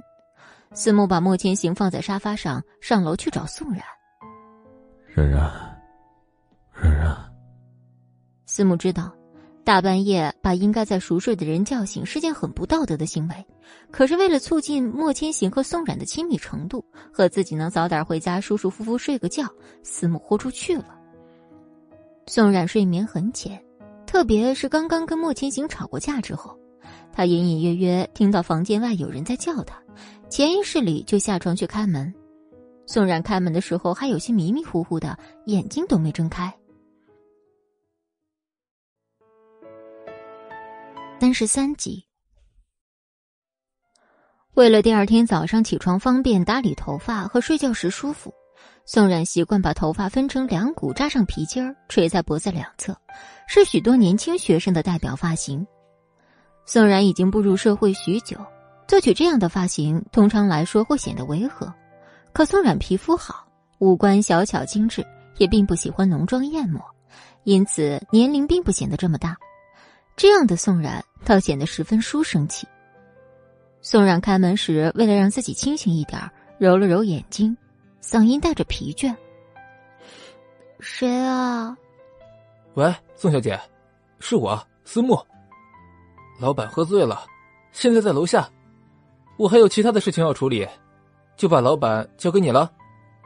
老板一路上可是一直在叫你名字。”思慕语速极快。宋然还没反应过来什么事儿，司慕已经一溜烟的跑得不见影了。宋然想起刚刚司慕说的话，莫千行一直在叫他的名字，怎么可能啊？就算叫我的名字，也是恨不得杀了我吧。宋冉摇了摇头，让自己清醒一点。宋然本来是下定决心不再管莫千行的事儿，可是他喝醉了，让莫千行一个人大冬天的睡在沙发上。他终归有些于心不忍，犹豫再三，宋冉还是决定下楼看一下莫千行。等他一走到楼梯拐角处时，就闻到了酒气，越往前走，酒气越浓重。宋冉走进莫千行，看到莫千行身上沾的酒渍，就知道思慕为什么窜的那么快了。宋冉十分头疼，不知该从哪儿下手。以前宋爸爸虽然偶尔也会喝醉酒。但都是宋妈妈照顾，自己只是在旁搭把手。现在自己一个人面对着喝醉酒的莫千行，宋冉十分无奈。他尽量回想起以前妈妈是怎么照顾醉酒的爸爸，准备动手。宋冉先把莫千行弄脏的衣服脱下，莫千行后背压着一层层的衣服，实在不好脱。莫千行是一个连思慕一个男人照顾起来都十分吃力的身高一米八五以上的男人，更何况让宋冉一个女人照顾他。宋冉让莫千行翻个身都得咬着牙，使出吃奶的力气，好不容易脱掉莫千行弄脏的衣服，宋冉又去浴室接了一盆温水。用毛巾蘸了温水擦拭莫千行的脸和脖子，宋冉擦的仔细，水来来回回换了三四遍。他本来想把莫千行扶到楼上他房间休息，可是莫千行睡得太沉，走平地都不容易，可想而知上楼梯就更困难了。摇了摇头，宋然打消了这个想法。算了，就让他在沙发上睡一晚吧，反正冻感冒了。也和我没关系。就在他转身要走之际，莫千行突然拉住宋然的手，低声温柔呢喃：“冉冉，对不起，我想你。冉冉，你抱抱我好不好？”宋冉吃惊的回头看着莫千行，他又摇着宋冉的胳膊：“冉冉，对不起，可是我好想你啊。”语气委屈，像极了小孩子在外受了欺负，然后回家向家长抱怨撒娇的样子。宋冉内心一软，把沙发上的抱枕撤到了一边，腾出更大的空间，然后把莫千行的鞋子跟袜子都脱掉，让莫千行的身体在沙发上躺平。宋冉想去楼上莫千行的房间，拿了一床被子给他盖上，可莫千行即便喝醉了，手也攥得很紧，他根本甩不开。最后，还是宋冉蹲下身子，把莫千行的五根手指一根根掰开，才算脱离了莫千行的手掌心。宋冉回到楼上莫千行的房间，找了一床新的被子，到楼下给莫千行盖上之后，就上楼回房间睡觉了。躺在床上，宋冉看着天花板，翻来覆去睡不着，最后还是抱着自己的被子到楼下沙发上躺下。他和莫千行离得很近，还能闻到他身上的酒气，隐隐听到他平稳的呼吸声。宋冉这一夜睡得很香，可能是过于劳累，也可能是内心感受到了许久没有的安全感。睡梦中迷迷糊糊的，他好像听到有人在叫他的名字，语气温柔的，好像温润的泉水。等他早晨醒过来时，莫千行还在床上安安静静的躺着。深邃立体的五官的确让人惊艳。宋冉怕莫千行醒过来之后会反悔不让他出去，于是连早饭都没吃，就急匆匆出了莫家的门，奔赴与齐军的约会——丹尼尔的音乐会。莫家主别墅的沙发上，莫千行的身体被朝阳光芒照射，纤长的影子映在光洁的地板上。宋冉一走。刚刚出莫家大门，莫千行就在沙发上坐起来。其实莫千行醒得比宋冉早，只是晚上醉酒，早上醒来看到宋冉和自己一起睡在沙发上，心情大好，想要和宋冉多躺一会儿，哪怕两人不是睡在同一张沙发上。可是宋冉醒了之后去洗漱，换了衣服之后就匆匆离开，莫千行不免有点失落。只是这件事儿，宋冉永远都不会知道。就像是莫千行到现在都不知道自己的皮肤是宋冉移植给自己的一样。这样对两个人都是苦难，也更是磨砺。今天是周六，上班族们的假期，地铁和公交都没有早高峰，因此宋冉在地铁上顺利找到了座位。宋冉到了 A 城大剧院地铁站下车，在附近找了一家早餐店准备吃早饭，然后。发了条短信告诉齐军：“我在 A 城大剧院东边的汇丰粥店，我们在这儿碰头。”很快就收到齐军的回信：“好，等我。”二十分钟之后，齐军出现在宋冉面前：“小姐，不知道在下有没有荣幸能和小姐一起吃早饭？” 你又不正经？谁不正经了？我这是很严肃的问题。齐军故意把声音提高，周围的人都向他们二人投来异样的目光。宋冉不好意思，他拉住齐军的衣服，把齐军按在座位上。行行行，快坐下吧。好嘞。但是然然，你不要拉着我了，我要去选早餐。你没吃早饭就过来了？我没想到你会来的这么早，在家里刚喝了几口粥，你的短信就过来了，然后我就想过来陪着你吃早饭啊。好，快去点早饭吧。几，宋冉和齐军一起吃了早饭后，又坐在一起聊了会儿天儿，时间过得很快，到了九点二十分，齐军拿出丹尼尔音乐会的门票。喏。这是门票。时间差不多了，我们入场吧。我居然能有幸看到丹尼尔的演唱会，真是太幸运了。但是归根结底，还是要感谢你。我都说了，你不要再和我说谢谢，这样我总觉得你拿我当外人。好了，快走吧。宋冉点点头，拿起放在椅背上的及脚踝的羽绒服穿上。宋冉还小的时候，宋妈妈经常会带着小宋冉来听音乐会。宋冉弹钢琴的这一爱好，就是宋妈妈培养起来的。宋元、宋爸爸极其疼爱宋冉，知道宋冉喜欢听音乐会之后，即便公司再忙，宋元也会抽空陪着宋冉和宋妈妈一起到剧院里听音乐会。宋冉以前见过不少有名的音乐家，可是像丹尼尔这种级别的还是第一次见，因此格外激动。心情也是这段时间以来前所未有的明朗。检完票，宋冉跟齐军都进了音乐厅。齐军选的位置很好，恰好是中间第二排的位置。齐军，你选的位置很好，我应该可以全方位的看到丹尼尔老师在舞台上的样子。这是朋友送的，其实我也不知道位置在哪儿。那我真是太幸运了。很快，音乐会正式开始。丹尼尔现身，观众似乎都是他的粉丝，尖叫声不断。丹尼尔带来的第一首曲子是李斯特的 B 小调鸣奏曲。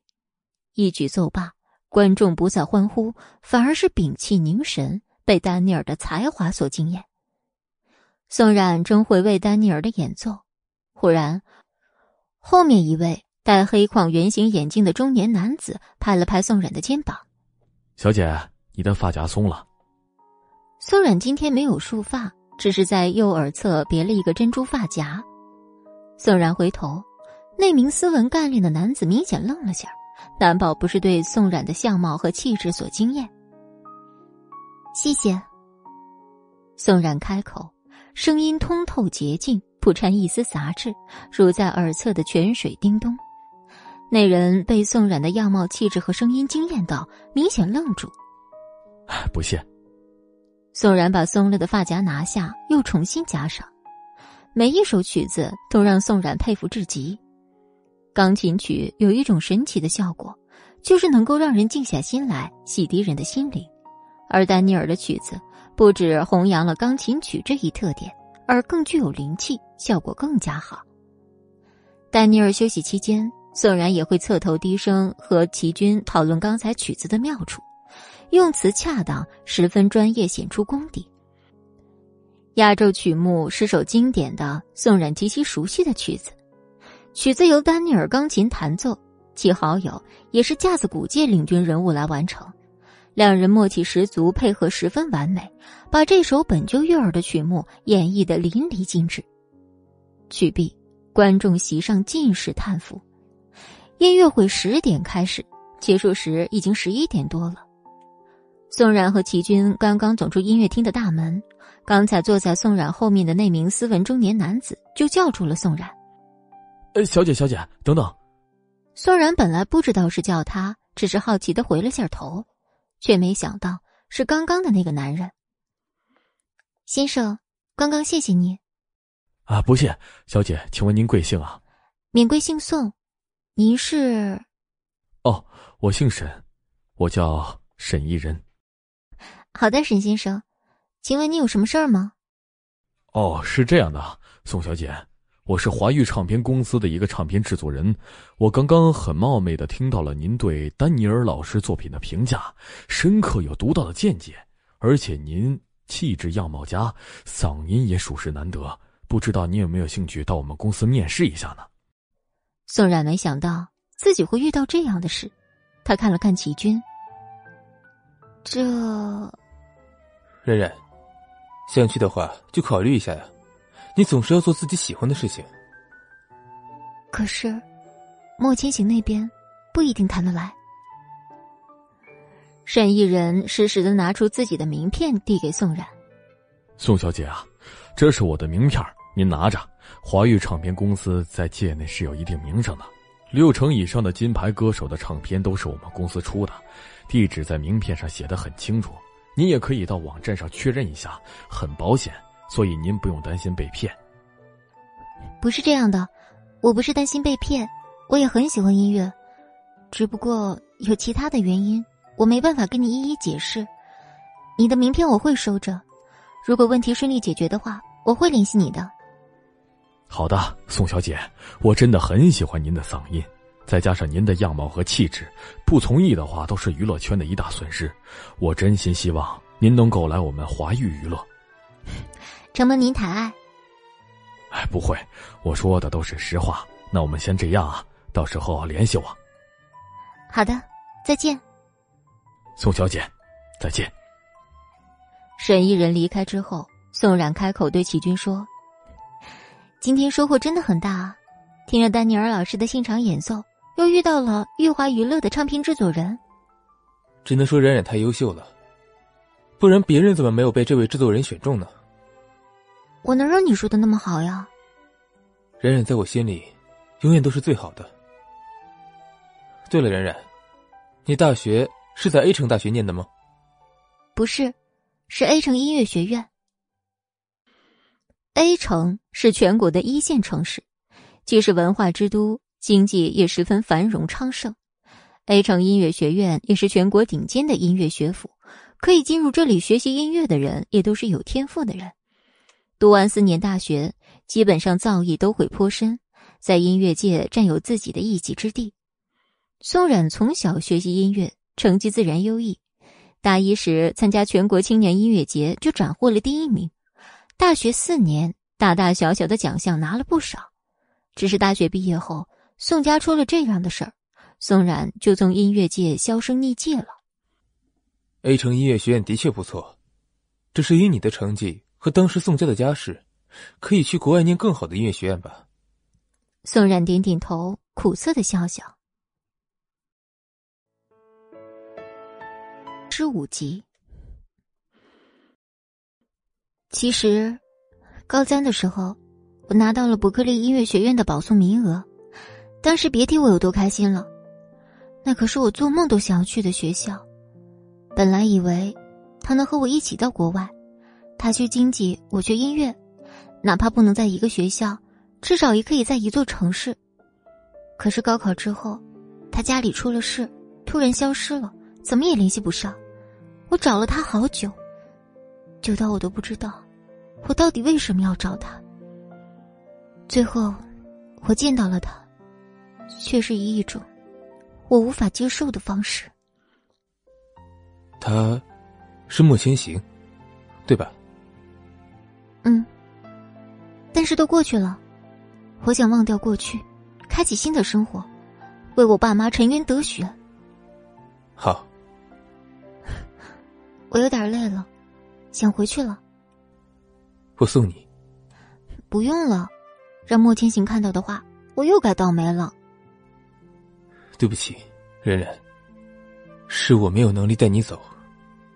齐军，这不怪你，是我自己造的孽。我自己还就是了。冉冉，我别说了，真不怪你。我去地铁站坐地铁回去，很快的。我送你到地铁口吧。不用了，我又不是小孩子。只是送你到地铁站而已。真的不用。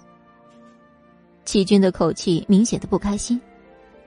那好吧，再见。然后转过头。这是第一次，齐军让宋冉看着他的背影离开，从前都是他看着宋冉的背影。齐军感受得到，刚刚宋冉和他说莫千行时语气里的惋惜和哀伤。宋冉可能自己都没察觉到，自己提到莫千行会有这么大的反应。在宋冉自己想要做一些事情之前，宋冉总会条件反射的想到莫千行会不会允许。齐军好像明白了，在宋冉心里，他永远比不上莫千行，因为他晚出现在宋冉生命中十几年，而这十几年的时间是齐军无论如何也弥补不了的。齐军。都他妈是你自己的破烂身体，在国外养病养病，结果连冉冉都错过了。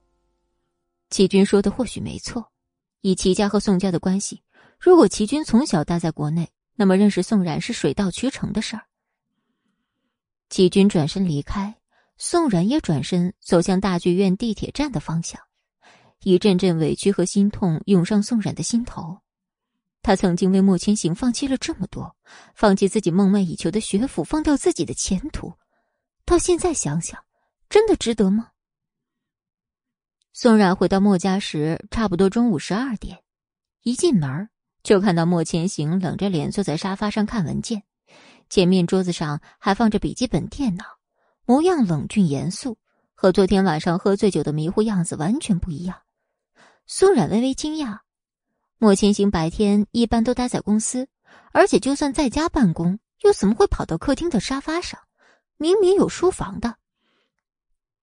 昨天林雨柔第一天搬来莫家，宋千行就喝醉酒，而且林雨柔和莫千行两人一起出去吃饭，结果昨晚根本没有见到林雨柔。难不成今天莫千行不去公司是为了哄林雨柔，给林雨柔赔礼道歉？想到这儿。宋然好像想通了，莫千行为什么会在这个时间点在家，但是胸口却发堵。宋然本想敛住情绪，忽略掉莫千行，直接上楼回房间，没成想莫千行冷冷开口，叫住宋然：“去哪儿了？你不是说过，不再阻止我去其他地方吗？我如果阻止的话，你就出不去了。我现在不是在阻止你出去玩，而是在询问你去了哪里。”和谁一起？莫先生，和谁在一起去了哪儿？这都是我的自由，和你没关系吧？莫千行把手里拿着的文件扔到一边，站起来挑着眉毛。宋然，很好，这话很有骨气。不知道签合约的时候，你有没有仔细看合约内容？我作为你的契约金主甲方，你作为我的契约情妇乙方。甲方有权利知道乙方的所有行踪，懂吗？我出去看音乐会了。谁的音乐会啊？就自己一个人去的。丹尼尔的音乐会，就我一个人去听的。我再问一遍，就自己一个人去的？不是，是和齐军一起。莫千行非但没生气，而且还笑起来，笑得宋然身体一阵发寒。这样才怪。早这样说不就好了吗？宋冉紧紧盯住莫千行，想知道莫千行葫芦里究竟卖的什么药。宋冉，你这样一直盯着我，我会觉得你在勾引我。宋冉脸一红，把头转到一边，不再看莫千行。不要脸！我当然不要脸啊，要不然怎么会让宋小姐做我的情妇呢？莫千行。你能不能不要两句三句都离不开“情妇”这个词？情妇是被包养，我不是，我也有自尊的。宋冉说到后面都带起了哭腔。莫千行没想到宋冉的反应会这么大，将要脱口而出的“对不起”变成了“那我应该怎么叫你？和季军一样叫冉冉吗？”算了吧，莫千行。你怎么样称呼我都无所谓，我有一件事想跟你说。宋冉从包里把今天在大剧院里神艺人给他的名片拿出来给莫千行看，莫千行接过去念上面的字：“玉华娱乐金牌唱片制作人沈艺人，怎么了？和你有什么关系？”我在剧院里遇到了这位唱片制作人，他找到我，让我去玉华面试。你想去吗？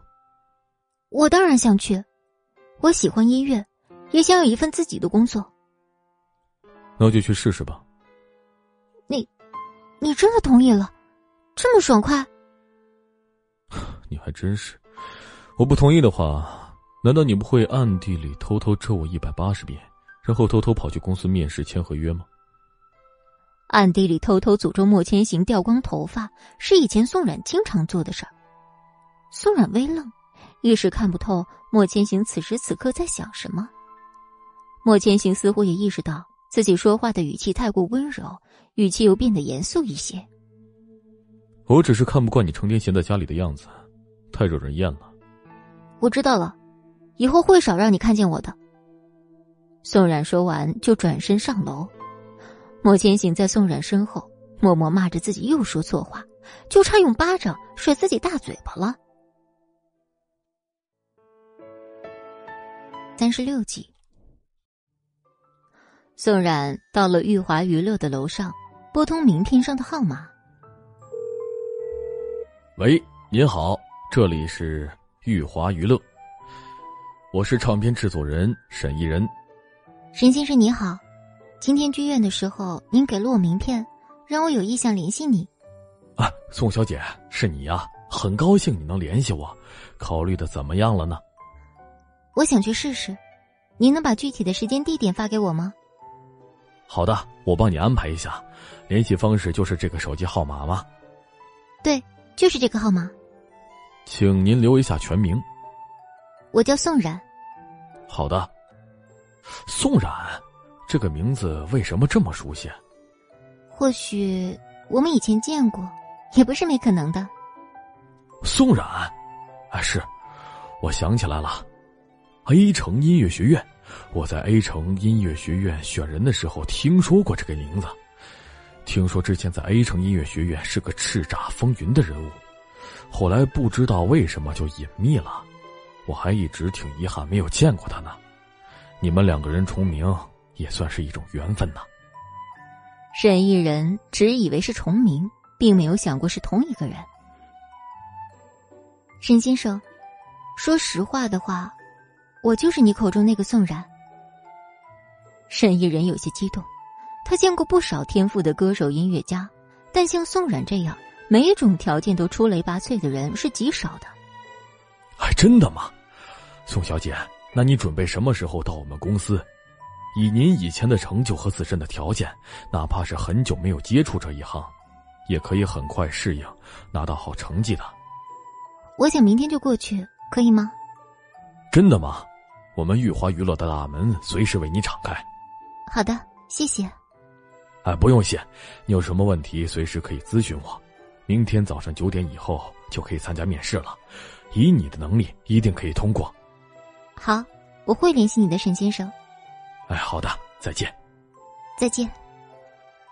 宋冉压抑不住内心的激动和开心，总算可以继续做自己喜欢的事儿了。楼下客厅，莫千行在沙发上沉思着，随后拨通了思慕的号码。十分钟内，我要玉华娱乐的全部资料。玉华娱乐，老大，你查他干什么？你只有十分钟，时间不等人。得得得，我这就去查。莫千行知道玉华娱乐是 A 城龙头级别娱乐公司，莫千行对此多多少少有些耳闻。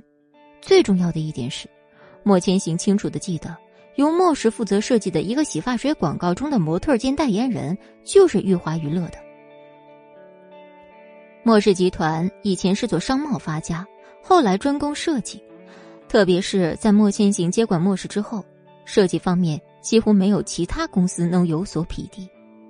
近些年，国内娱乐圈形势大好，大大小小的娱乐公司成立起来，培养出来的艺人也是良莠不齐。但娱乐这一方面，终归是来钱十分快的。前两年，莫氏也开始涉足娱乐圈。莫氏有资金有人脉，娱乐圈区域刚开始不就已经在业内小有名气。虽然不能跟专业的大型娱乐公司相媲美，但势头特别大，实力不容小觑。莫千行想，让宋冉做自己喜欢的事儿，充实一下自己的生活，或许可以让他开心一些。不一会儿，莫千行收到了思慕发来的邮件。玉华娱乐，坐落于 A 城城区，娱乐公司中的龙头级公司，签约了许多大腕和流量小鲜肉，资源人脉充足，经纪人大多经验丰富，选角的眼光独到而毒辣，公关工作做得也十分好。玉华娱乐的唱片制作也是业界公认的老大。一句话，概括的就是。玉华娱乐十分厉害。这时，林雨荣从外面回来，看到莫千行坐在沙发上，还以为他专一在等他。千行，人家昨晚跟菲菲聊得太晚了，怕你抽不出空来接我，也想让你多休息一会儿，就直接住在菲菲家了。你不会怪我吧？怎么会啊？莫千行声音平淡，但是脸色没有平日那么严肃。林雨柔见莫千行心情还算不错的样子，坐在莫千行的旁边，身子骨就靠在莫千行身上。秦兄，其实人家有点跟你赌气，你连电话都不打给人家，哼！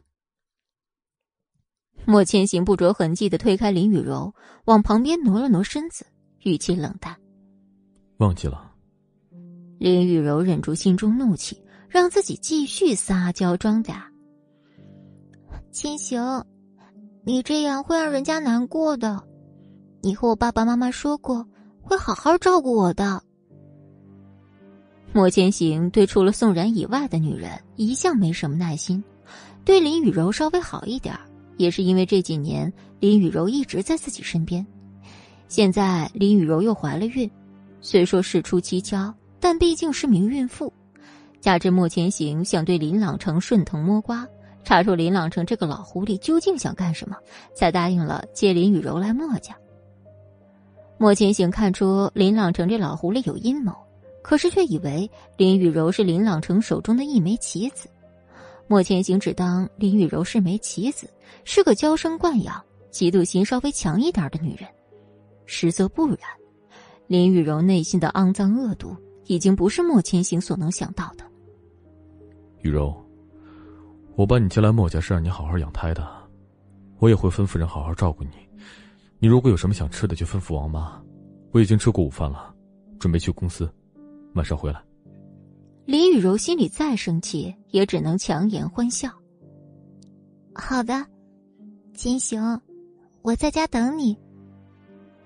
莫千行没回答，连一个点头的动作都没有，拿起文件跟大衣就出去了。身后的林雨柔咬牙切齿：“莫千行，为什么你眼里只有宋冉那个贱女人？既然你想一直护着她，那我就去毁了他。”说完，林雨柔转身，怒气冲冲的上楼。他敲响宋冉的房门，宋冉刚刚开门，还没看清楚来人是谁，一个巴掌就结结实实招呼到宋冉脸上。随着这个巴掌而来的，还有难听的喊声：“宋然，你个贱女人！”林雨柔右手再一次扬起，要再打宋冉一次，但却被宋冉用手截住。林雨柔，你发什么疯？宋然，只要你出现在千行面前，那就是你得罪了我。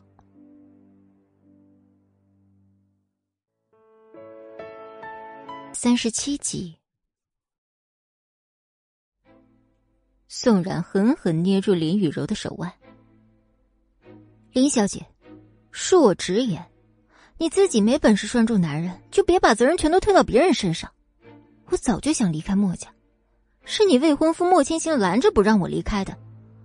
还有，今天这一巴掌我会记着，看在你是孕妇的份上，我暂时不会还回来。但是你以后若是再欺人太甚，就别怪我不客气。林玉柔被宋冉的气势吓到，手腕也被宋冉捏得生疼。她扭动着手腕，让宋冉放开自己，嘴上却还说着恶毒的话：“宋冉，你不就是为了钱可以卖的臭婊子吗？你们宋家都是这样的垃圾货，你在这给我装什么清高呀？要不是你先勾引千行，千行能拦着你不让你走啊？谁知道你耍了什么把戏，给千行下了什么蛊？”林雨柔侮辱了整个宋家人，宋然气得已经发抖了，他手掌重重的招呼到林雨柔的脸上，他卯足全身的力气。林雨柔被扇得蒙了圈，紧紧捂住脸。宋然，你个小贱人，你竟然敢打我！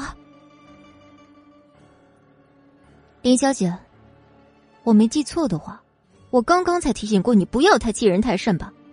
不然我会不客气的。谁让你记性这么差，那么不听话？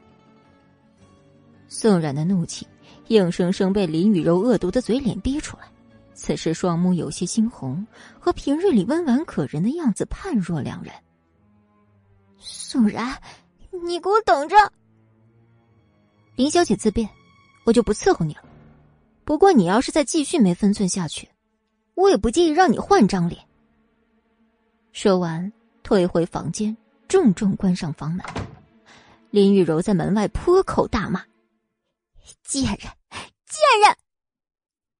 等到墨家的佣人听到动静赶过来时，看到的就是林雨柔红肿起来的左脸和狼狈的样子。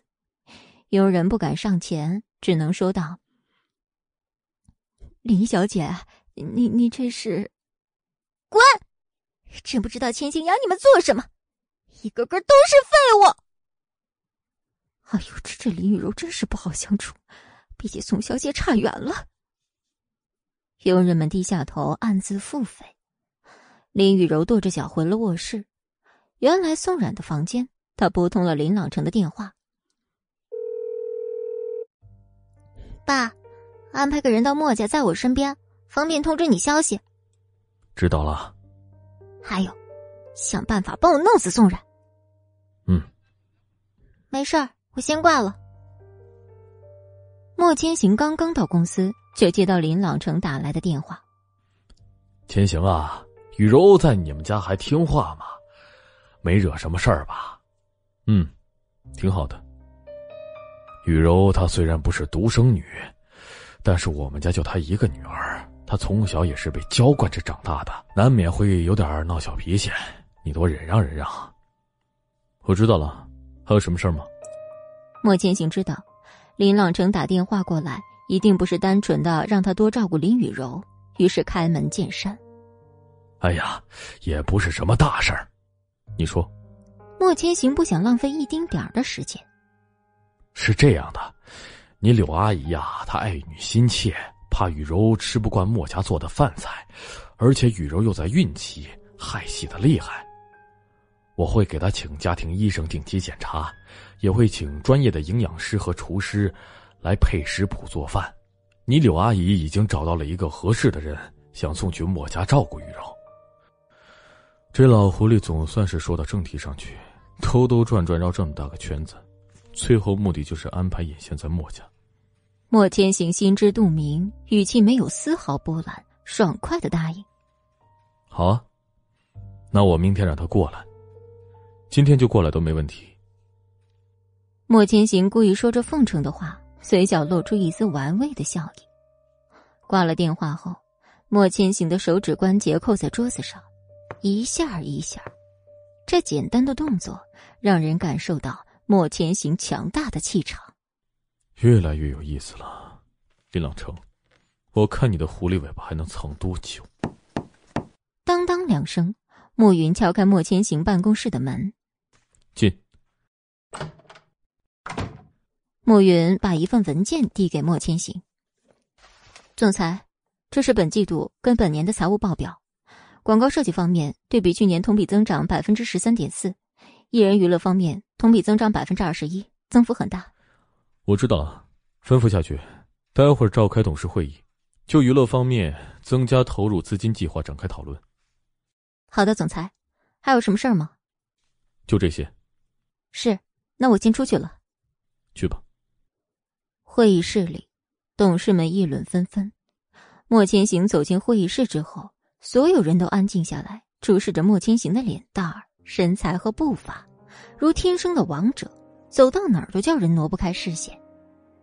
本季度的财务报表大家都看过了，大概情况应该可以掌握了吧？董事们纷纷开口：“多亏莫总您领导有方啊，让我们莫氏集团发展的这么好。”莫千行对于这样对他能力赞许的话，早就见怪不怪，坦然接受。说的不错。到底是莫千行，一点都不谦虚。既然大家都看了报表，应该知道娱乐方面给我们带来很大的利润了吧？是啊，涨幅的确很大。所以我想加大对我们莫氏集团娱乐方面的投资。虽然最近两年我们公司娱乐方面发展势头很猛，但是比起专业的娱乐公司，我们还是难以望其项背。加大投资力度，大家没什么异议吧？加大投资力度是可以，但是具体增加多少呢？我的计划是两亿。莫千行话音刚落，股东们一片哗然。啊，投资也不能一下这么猛啊！金额太大，太冒险了。安静，一个一个说。莫千行用文件拍了拍桌子，会议室又安静下来。一个长者开口：“莫总，娱乐方向利润大是不错，我们也都支持加大投资力度，以获取更多的利润。但是，两亿这个数目太大了，而且莫氏本来就不是主打娱乐的，何必花这么大的手笔呢？”我心意已决，开这场会议本着尊重董事意见的心情进行的。但是我只是在通知你们，不是让你们替我决策。我加上私募和暮云的股票超过半数，因此计划通过，可以散会回家准备看具体的文件了。莫千行说完，直接起身离开。会议室里没人再敢多说些什么。莫千行想为莫氏集团的娱乐方向注资，想要助宋冉一臂之力。谁又拦得了他呢？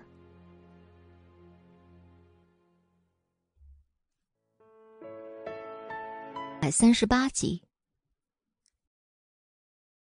墨家，宋冉的脸还是有些火辣辣的疼。明天就要去玉华娱乐面试，为了让自己形象好一点，宋冉拿着冰袋敷在脸上帮忙消肿。另一边，林雨柔在想着莫千行什么时候能回来。要用什么办法可以让红印消失的慢一点，或者是红肿的更加严重？林雨柔用卸妆水把脸上一层又一层的厚厚脂粉擦拭掉，红印总算更清晰一些。林雨柔洋洋得意，在红印的地方又涂了些腮红，涂匀，总算满意了。哼，莫金行，就算你再冷酷，见到怀了自己孩子的女人被人打成这样。也一定会动怒的，小贱人，你就等着吧。林雨柔正算计着，王妈就叩响了林雨柔卧室的门。谁啊？什么事儿？林小姐，是我王妈，有人送衣柜来说是莫先生订的。林雨柔打开了门。千行给我订的衣柜啊？是。带我下去看看。好，林小姐，你跟我来。林玉柔心里想着，莫千行总算还是在意她的。昨天才说衣柜不够用，结果今天就送来了。到了楼下，四个衣柜赫然立在下面，成两对，两对的风格完全不一样。林玉柔走进送货员，这都是千行给我订的衣柜啊。送货员坦然回答：“两个是林小姐的，另外两个是宋小姐的。”宋冉，他凭什么要用衣柜啊？送货员哑然：“谁还不能用衣柜了？”但是他也不能直接说出来，开口说的话是：“李小姐，这个不归我管。莫先生当时就是这么要求的。”算了，我不想跟那个贱女人计较太多。拉低我的档次。说完，又指着白色带暗纹的衣柜，把这两个搬到我房间去。对不起，林小姐，莫先生说，这一对衣柜是给宋小姐的，您的是旁边那对。你再说一遍，林小姐，莫先生送您的这对衣柜，材质更好，做工也更精细，价格当然也是最高的。宋小姐那对就比较普通了，您看。算了算了，是千行的好意，把衣柜搬到我房间去吧。是李小姐。王妈在通知林雨柔的时候，也通知了宋冉。许是不想出门看到林雨柔，宋冉迟迟没有出卧室的门，直到送货员叩响宋冉的房门。谁啊？宋小姐，我们给你送衣柜。什么衣柜啊？我没订啊。是莫先生昨天订的。那你们可能送错了，你们应该送到对面的房间。宋冉以为莫千行订的衣柜是送给林雨柔的。毕竟，这位大小姐可是刚刚念叨衣柜不够用。没错的，这对衣柜就是给您的，让我们帮您抬进去吧。宋冉样貌温柔可人，给送货员的感觉比林雨柔好了很多。宋冉犹豫了一会儿，进来吧。送货员把衣柜放到合适的地方就离开了。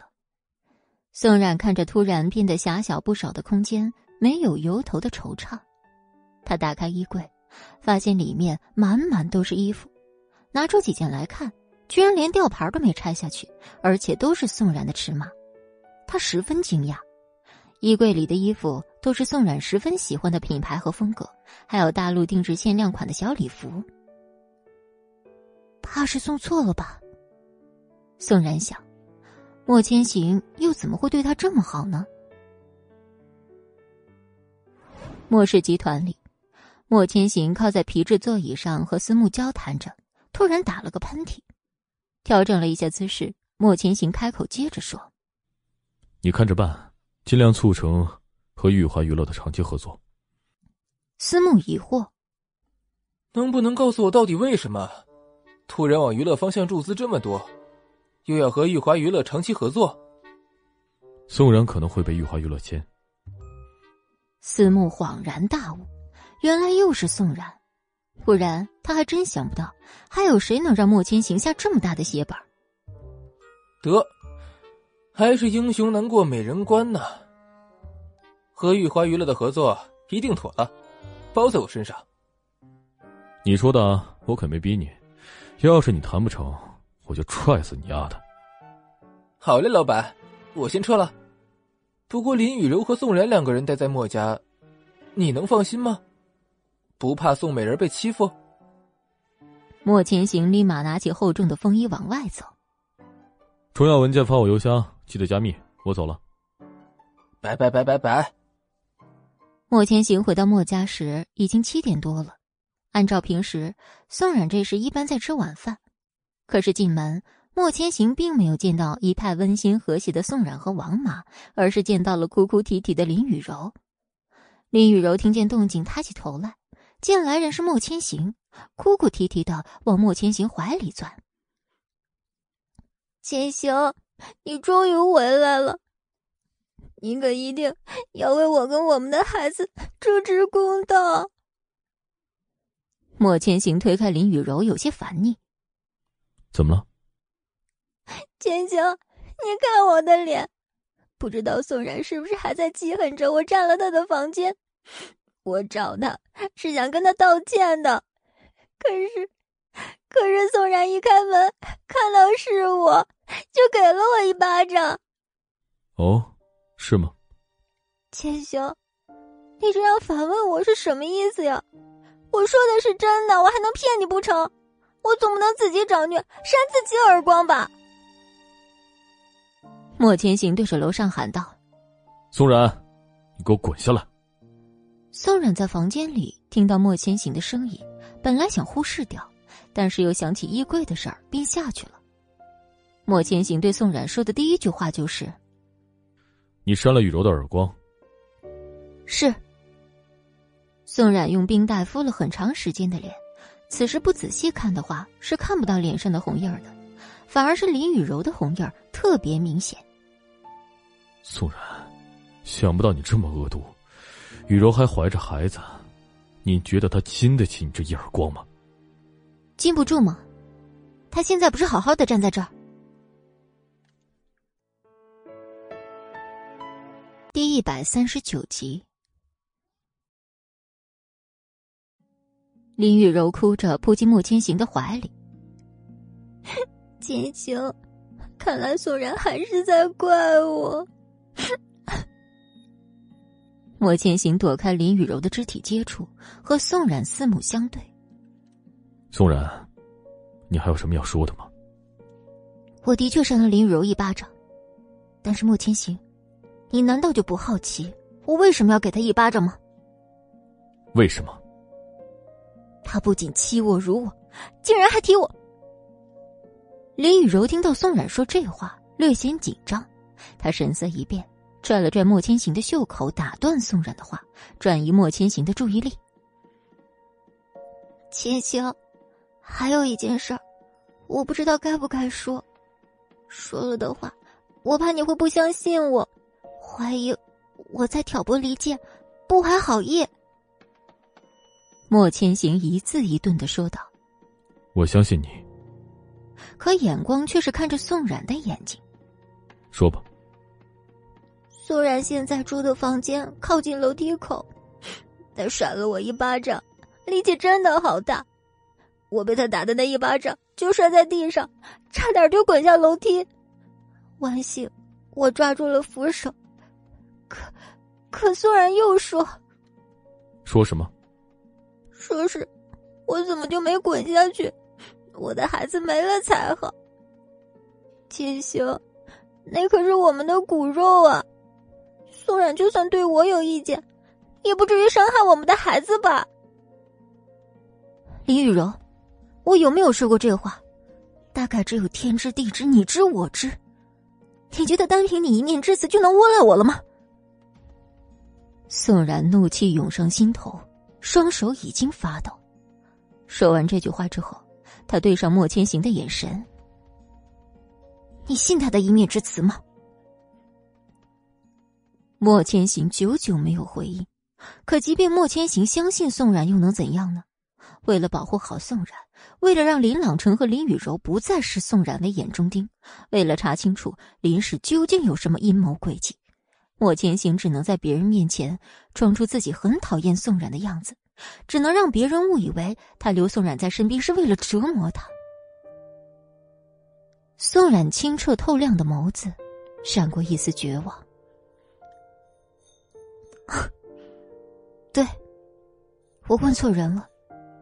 你刚刚说过，你相信他，我干嘛要自讨没趣？一面之词又怎样？谁让一面之词出自所偏爱之人之口？不管林雨柔说什么，莫千行都会无条件的相信。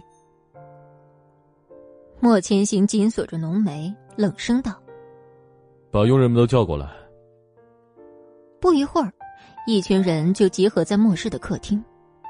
有谁亲眼看到雨柔和宋冉的吵架过程了吗？莫千行问着低头的佣人们。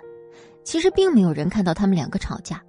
佣人们听到动静，赶紧赶来时，宋冉已经进了自己的房间。可是他听到这个问题之后，却有一个姓周的佣人举起右手：“莫先生，我看到了。”把你看到的情况如实描述出来。就跟林小姐说的一样，宋小姐不分青红皂白就甩了林小姐一巴掌，然后林小姐就瘫坐在地上，差点摔下楼梯。周姓佣人说完这番话，急忙又低下头，有些心虚。宋冉从这名佣人举手的时候就猜到会是林雨柔安排好的人，所以对这样的结果并不惊讶。王妈担心的看着宋冉：“不是这样的，莫先生，我们听到动静赶到楼上的时候，宋小姐已经回房间了，在场的就只有宋小姐跟林小姐。”没有其他人呢。那位告发宋冉的佣人又带着阴阳怪气的腔调：“你跟宋小姐关系好，咱们在墨家工作的人谁不清楚啊？说直接点你明显就是袒护宋小姐呀！”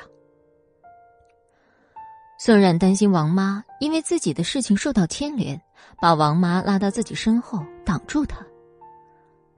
这事儿和王妈没关系，有什么事情冲我来。宋然，你不急着为自己辩驳，居然还想着护别人吗？本来就跟王妈没关系的事儿，为什么要扯上王妈？我的事情我自己解决。很好，宋然，那就让我看看你怎么解决。莫千行说完，又看向林雨柔：“雨柔，你想怎么办？”千行，算了吧，以后我要住在莫家。如果想保护好我们孩子的话，就要跟宋小姐好好相处。言外之意就是，宋冉会找自己麻烦，而自己是受欺负的那一个。莫千行如何听不出来？只是面上不动声色。林雨柔面上装的楚楚可怜又善解人意，实际上十分窃喜。林小姐，我以后会尽量避开跟你见面，这样总可以了吧？哎呀，冉冉，你说的这是什么话呀？我还是想跟你好好相处的，只要你不伤害我的孩子，什么东西我都可以给你。您别，我怕我一身煞气冲撞到您的贵体跟孩子，这后果我可担待不起。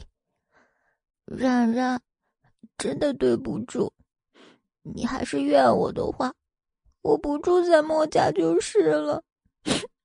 建行。冉冉既然不喜欢我在这儿，那还是让我走吧。莫千行早就被林雨柔的哭哭啼啼磨得不耐烦，为了保护好宋冉，他只能在这时委屈宋冉，抬高林雨柔。雨柔，我会给你个交代的，你先回房休息，剩下的我来处理。可是千行，快回房间休息吧。那，那好吧。林雨柔走之前还装作依依不舍的样子，看了莫千行。算了。佣人们见莫千行发了话，也立马作鸟兽散。莫千行把宋冉拉到卧室，重重关上了门。宋冉的手腕被莫千行捏得生疼。你，你放开我！莫千行怎么会轻易放过他？他两手紧贴在墙上。把宋冉束缚在一个狭小的空间里，两人距离近在咫尺。为什么不解释啊？解释什么？莫千行，是我以前太傻了，我总觉得向你解释总归能动摇一下你的想法，可什么作用都没有啊！我向你解释了那么多次，你哪一次相信过我？宋冉眼含泪光。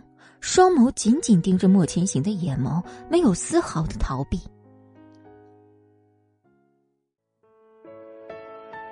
第一百四十集，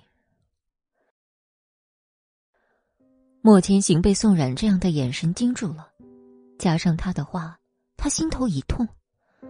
没有办法，莫千行只能松开宋冉，收敛去平日的桀骜不驯，有点像乖乖巧巧的孩子，带着点委屈，岔开话题。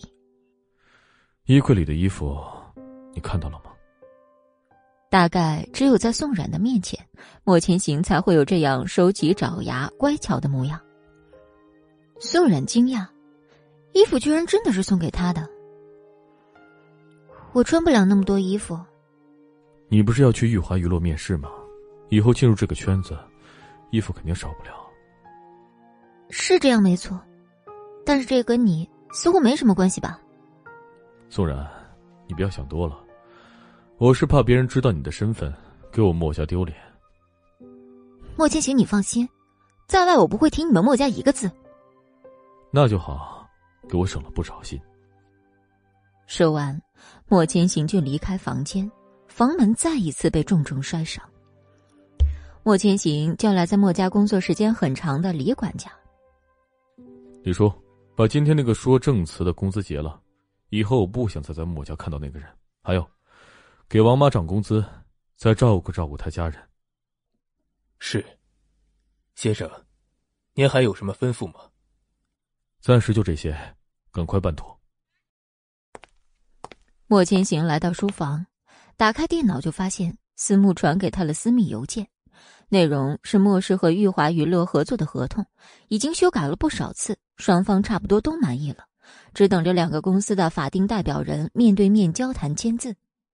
一会儿，思慕打来电话：“老大，合约看到了吗？”“看到了。”“就差你一个签名和印章了。咱们什么时候约个地方把合同签了？”“明天一早，我亲自去玉华娱乐。”“啊！”思慕以为自己耳朵出了问题，莫千行居然会主动到对方公司去签合约。就是明天早上，我亲自去玉华签合同。明天你拿着合同直接到玉华，我们在那里碰面。你现在赶快和玉华谈好时间。司慕知道莫千行十分严肃认真，也就不再打趣儿。他为了宋冉变成什么样子，而是认真回答：“放心，交在哥们身上。”次日清晨。宋冉起床洗漱之后，就开始挑衣服，接连试了几件，都觉得不合适。鬼斧神差般，宋然打开莫千行给他订了的两个衣柜，从里面挑出一件明黄色的休闲款毛衣，十分合身，衬得宋然本就白皙的皮肤更加吸睛。楼下是林朗成送来的所谓营养师兼厨师，专为林雨柔服务。见过做事迫不及待的。但没见过这么一大早就把眼线安插在别人家里的。宋冉下楼，直接掠过坐在客厅沙发上气场强大的莫千行，他似乎跟李管家说了几句话，也跟在宋冉的后面出了门。宋冉还没反应过来，却被莫千行拦腰抱起，塞进跑车的副驾驶。莫千行，你亲口答应我让我去面试的，我现在也没有后悔啊。那你为什么还拦着我？给我开门，我要下车。不就是去玉华娱乐面试吗？我去谈生意，捎你一程。去谈生意？怎么，你不信啊？你不会以为我会为了送你而撒谎吧？宋冉万万没想到莫千行会说出这样的话，一时不知该怎么回答。车里安静了一会儿，莫千行突然扔过来一包湿巾，把嘴擦擦。太红了，渗人。宋冉愣住，接住湿巾，然后一直拿在手里，没有什么动作。宋冉是属于那种不施粉黛的清新脱俗美人，不涂口红的时候，嘴唇是淡淡的粉红色，现在涂了鲜艳明亮的口红，显得牙齿更白，明眸善睐，十分勾人。他想象了一下，宋冉上着这样的妆笑起来的样子，自己的内心也不自觉欣喜起来。但莫千行又想到，宋冉待会儿面试时会有许多评委，宋冉美好的样子会被其他男人看到，莫千行心里就升起一股怒意。眼看宋冉接住湿巾，却没有下一步动作，莫千行醋意甚浓。我说了，擦掉，很恶心。我没让你看吧，是你自己想恶心你自己。莫千行一时语塞，不知道说些什么。到了玉华娱乐的车库，莫千行把车稳稳停住，解开安全带，转身便附上了宋冉的唇。莫千行从宋冉的嘴唇上尝到了淡淡的巧克力味道，满心欢喜。起身，宋冉僵住在副驾驶的座椅上。莫千行抽出一张湿巾，擦拭着宋冉的嘴唇，直到口红痕迹几乎被擦拭干净。他看着宋冉呆住的模样，露出一抹玩味的笑。下车了。宋然手忙脚乱的解开安全带，慌慌张张跑下车，头也不回。莫千行看到前面那抹高挑消瘦的明黄背影，笑意更深。鬼知道，他挑了那满满两衣柜的衣服，挑了多长时间？特别是那件明黄色的毛衣，莫千行记得最清楚。办公室里，他问慕云：“二十五岁左右的女人喜欢什么样的衣物？”把慕云这个职场女精英问的一愣，再由慕云传达，莫千行获得了一众职场女性推荐好物，包括各种风格的衣服。莫千行用食指抹了抹自己的嘴唇，一抹红色出现在指腹上，是刚刚宋冉涂的口红颜色。于是莫大总裁心情大好，走路都生风。他接到思慕的电话：“老大，我到了，在玉华娱乐三楼茶室等你。”好，我在车库，马上到。莫千行来到三楼，没想到这个在国内数一数二的娱乐公司里，居然有这么一个温文尔雅的茶室。思慕正在茶室门口等莫千行，手里拿着合约和一些资料，是成熟稳重的模样。老大来了，玉华那边的人也马上就到。嗯，进去说吧。我们合约经过多次修改之后，较之前，我们做出了巨大让步。玉华这边也就很爽快了。只是我们不声不响的签了这份合约，到时候董事们怕是会有不满。他们有不满已经不是一天两天了，我有办法安抚，不用担心。是老大。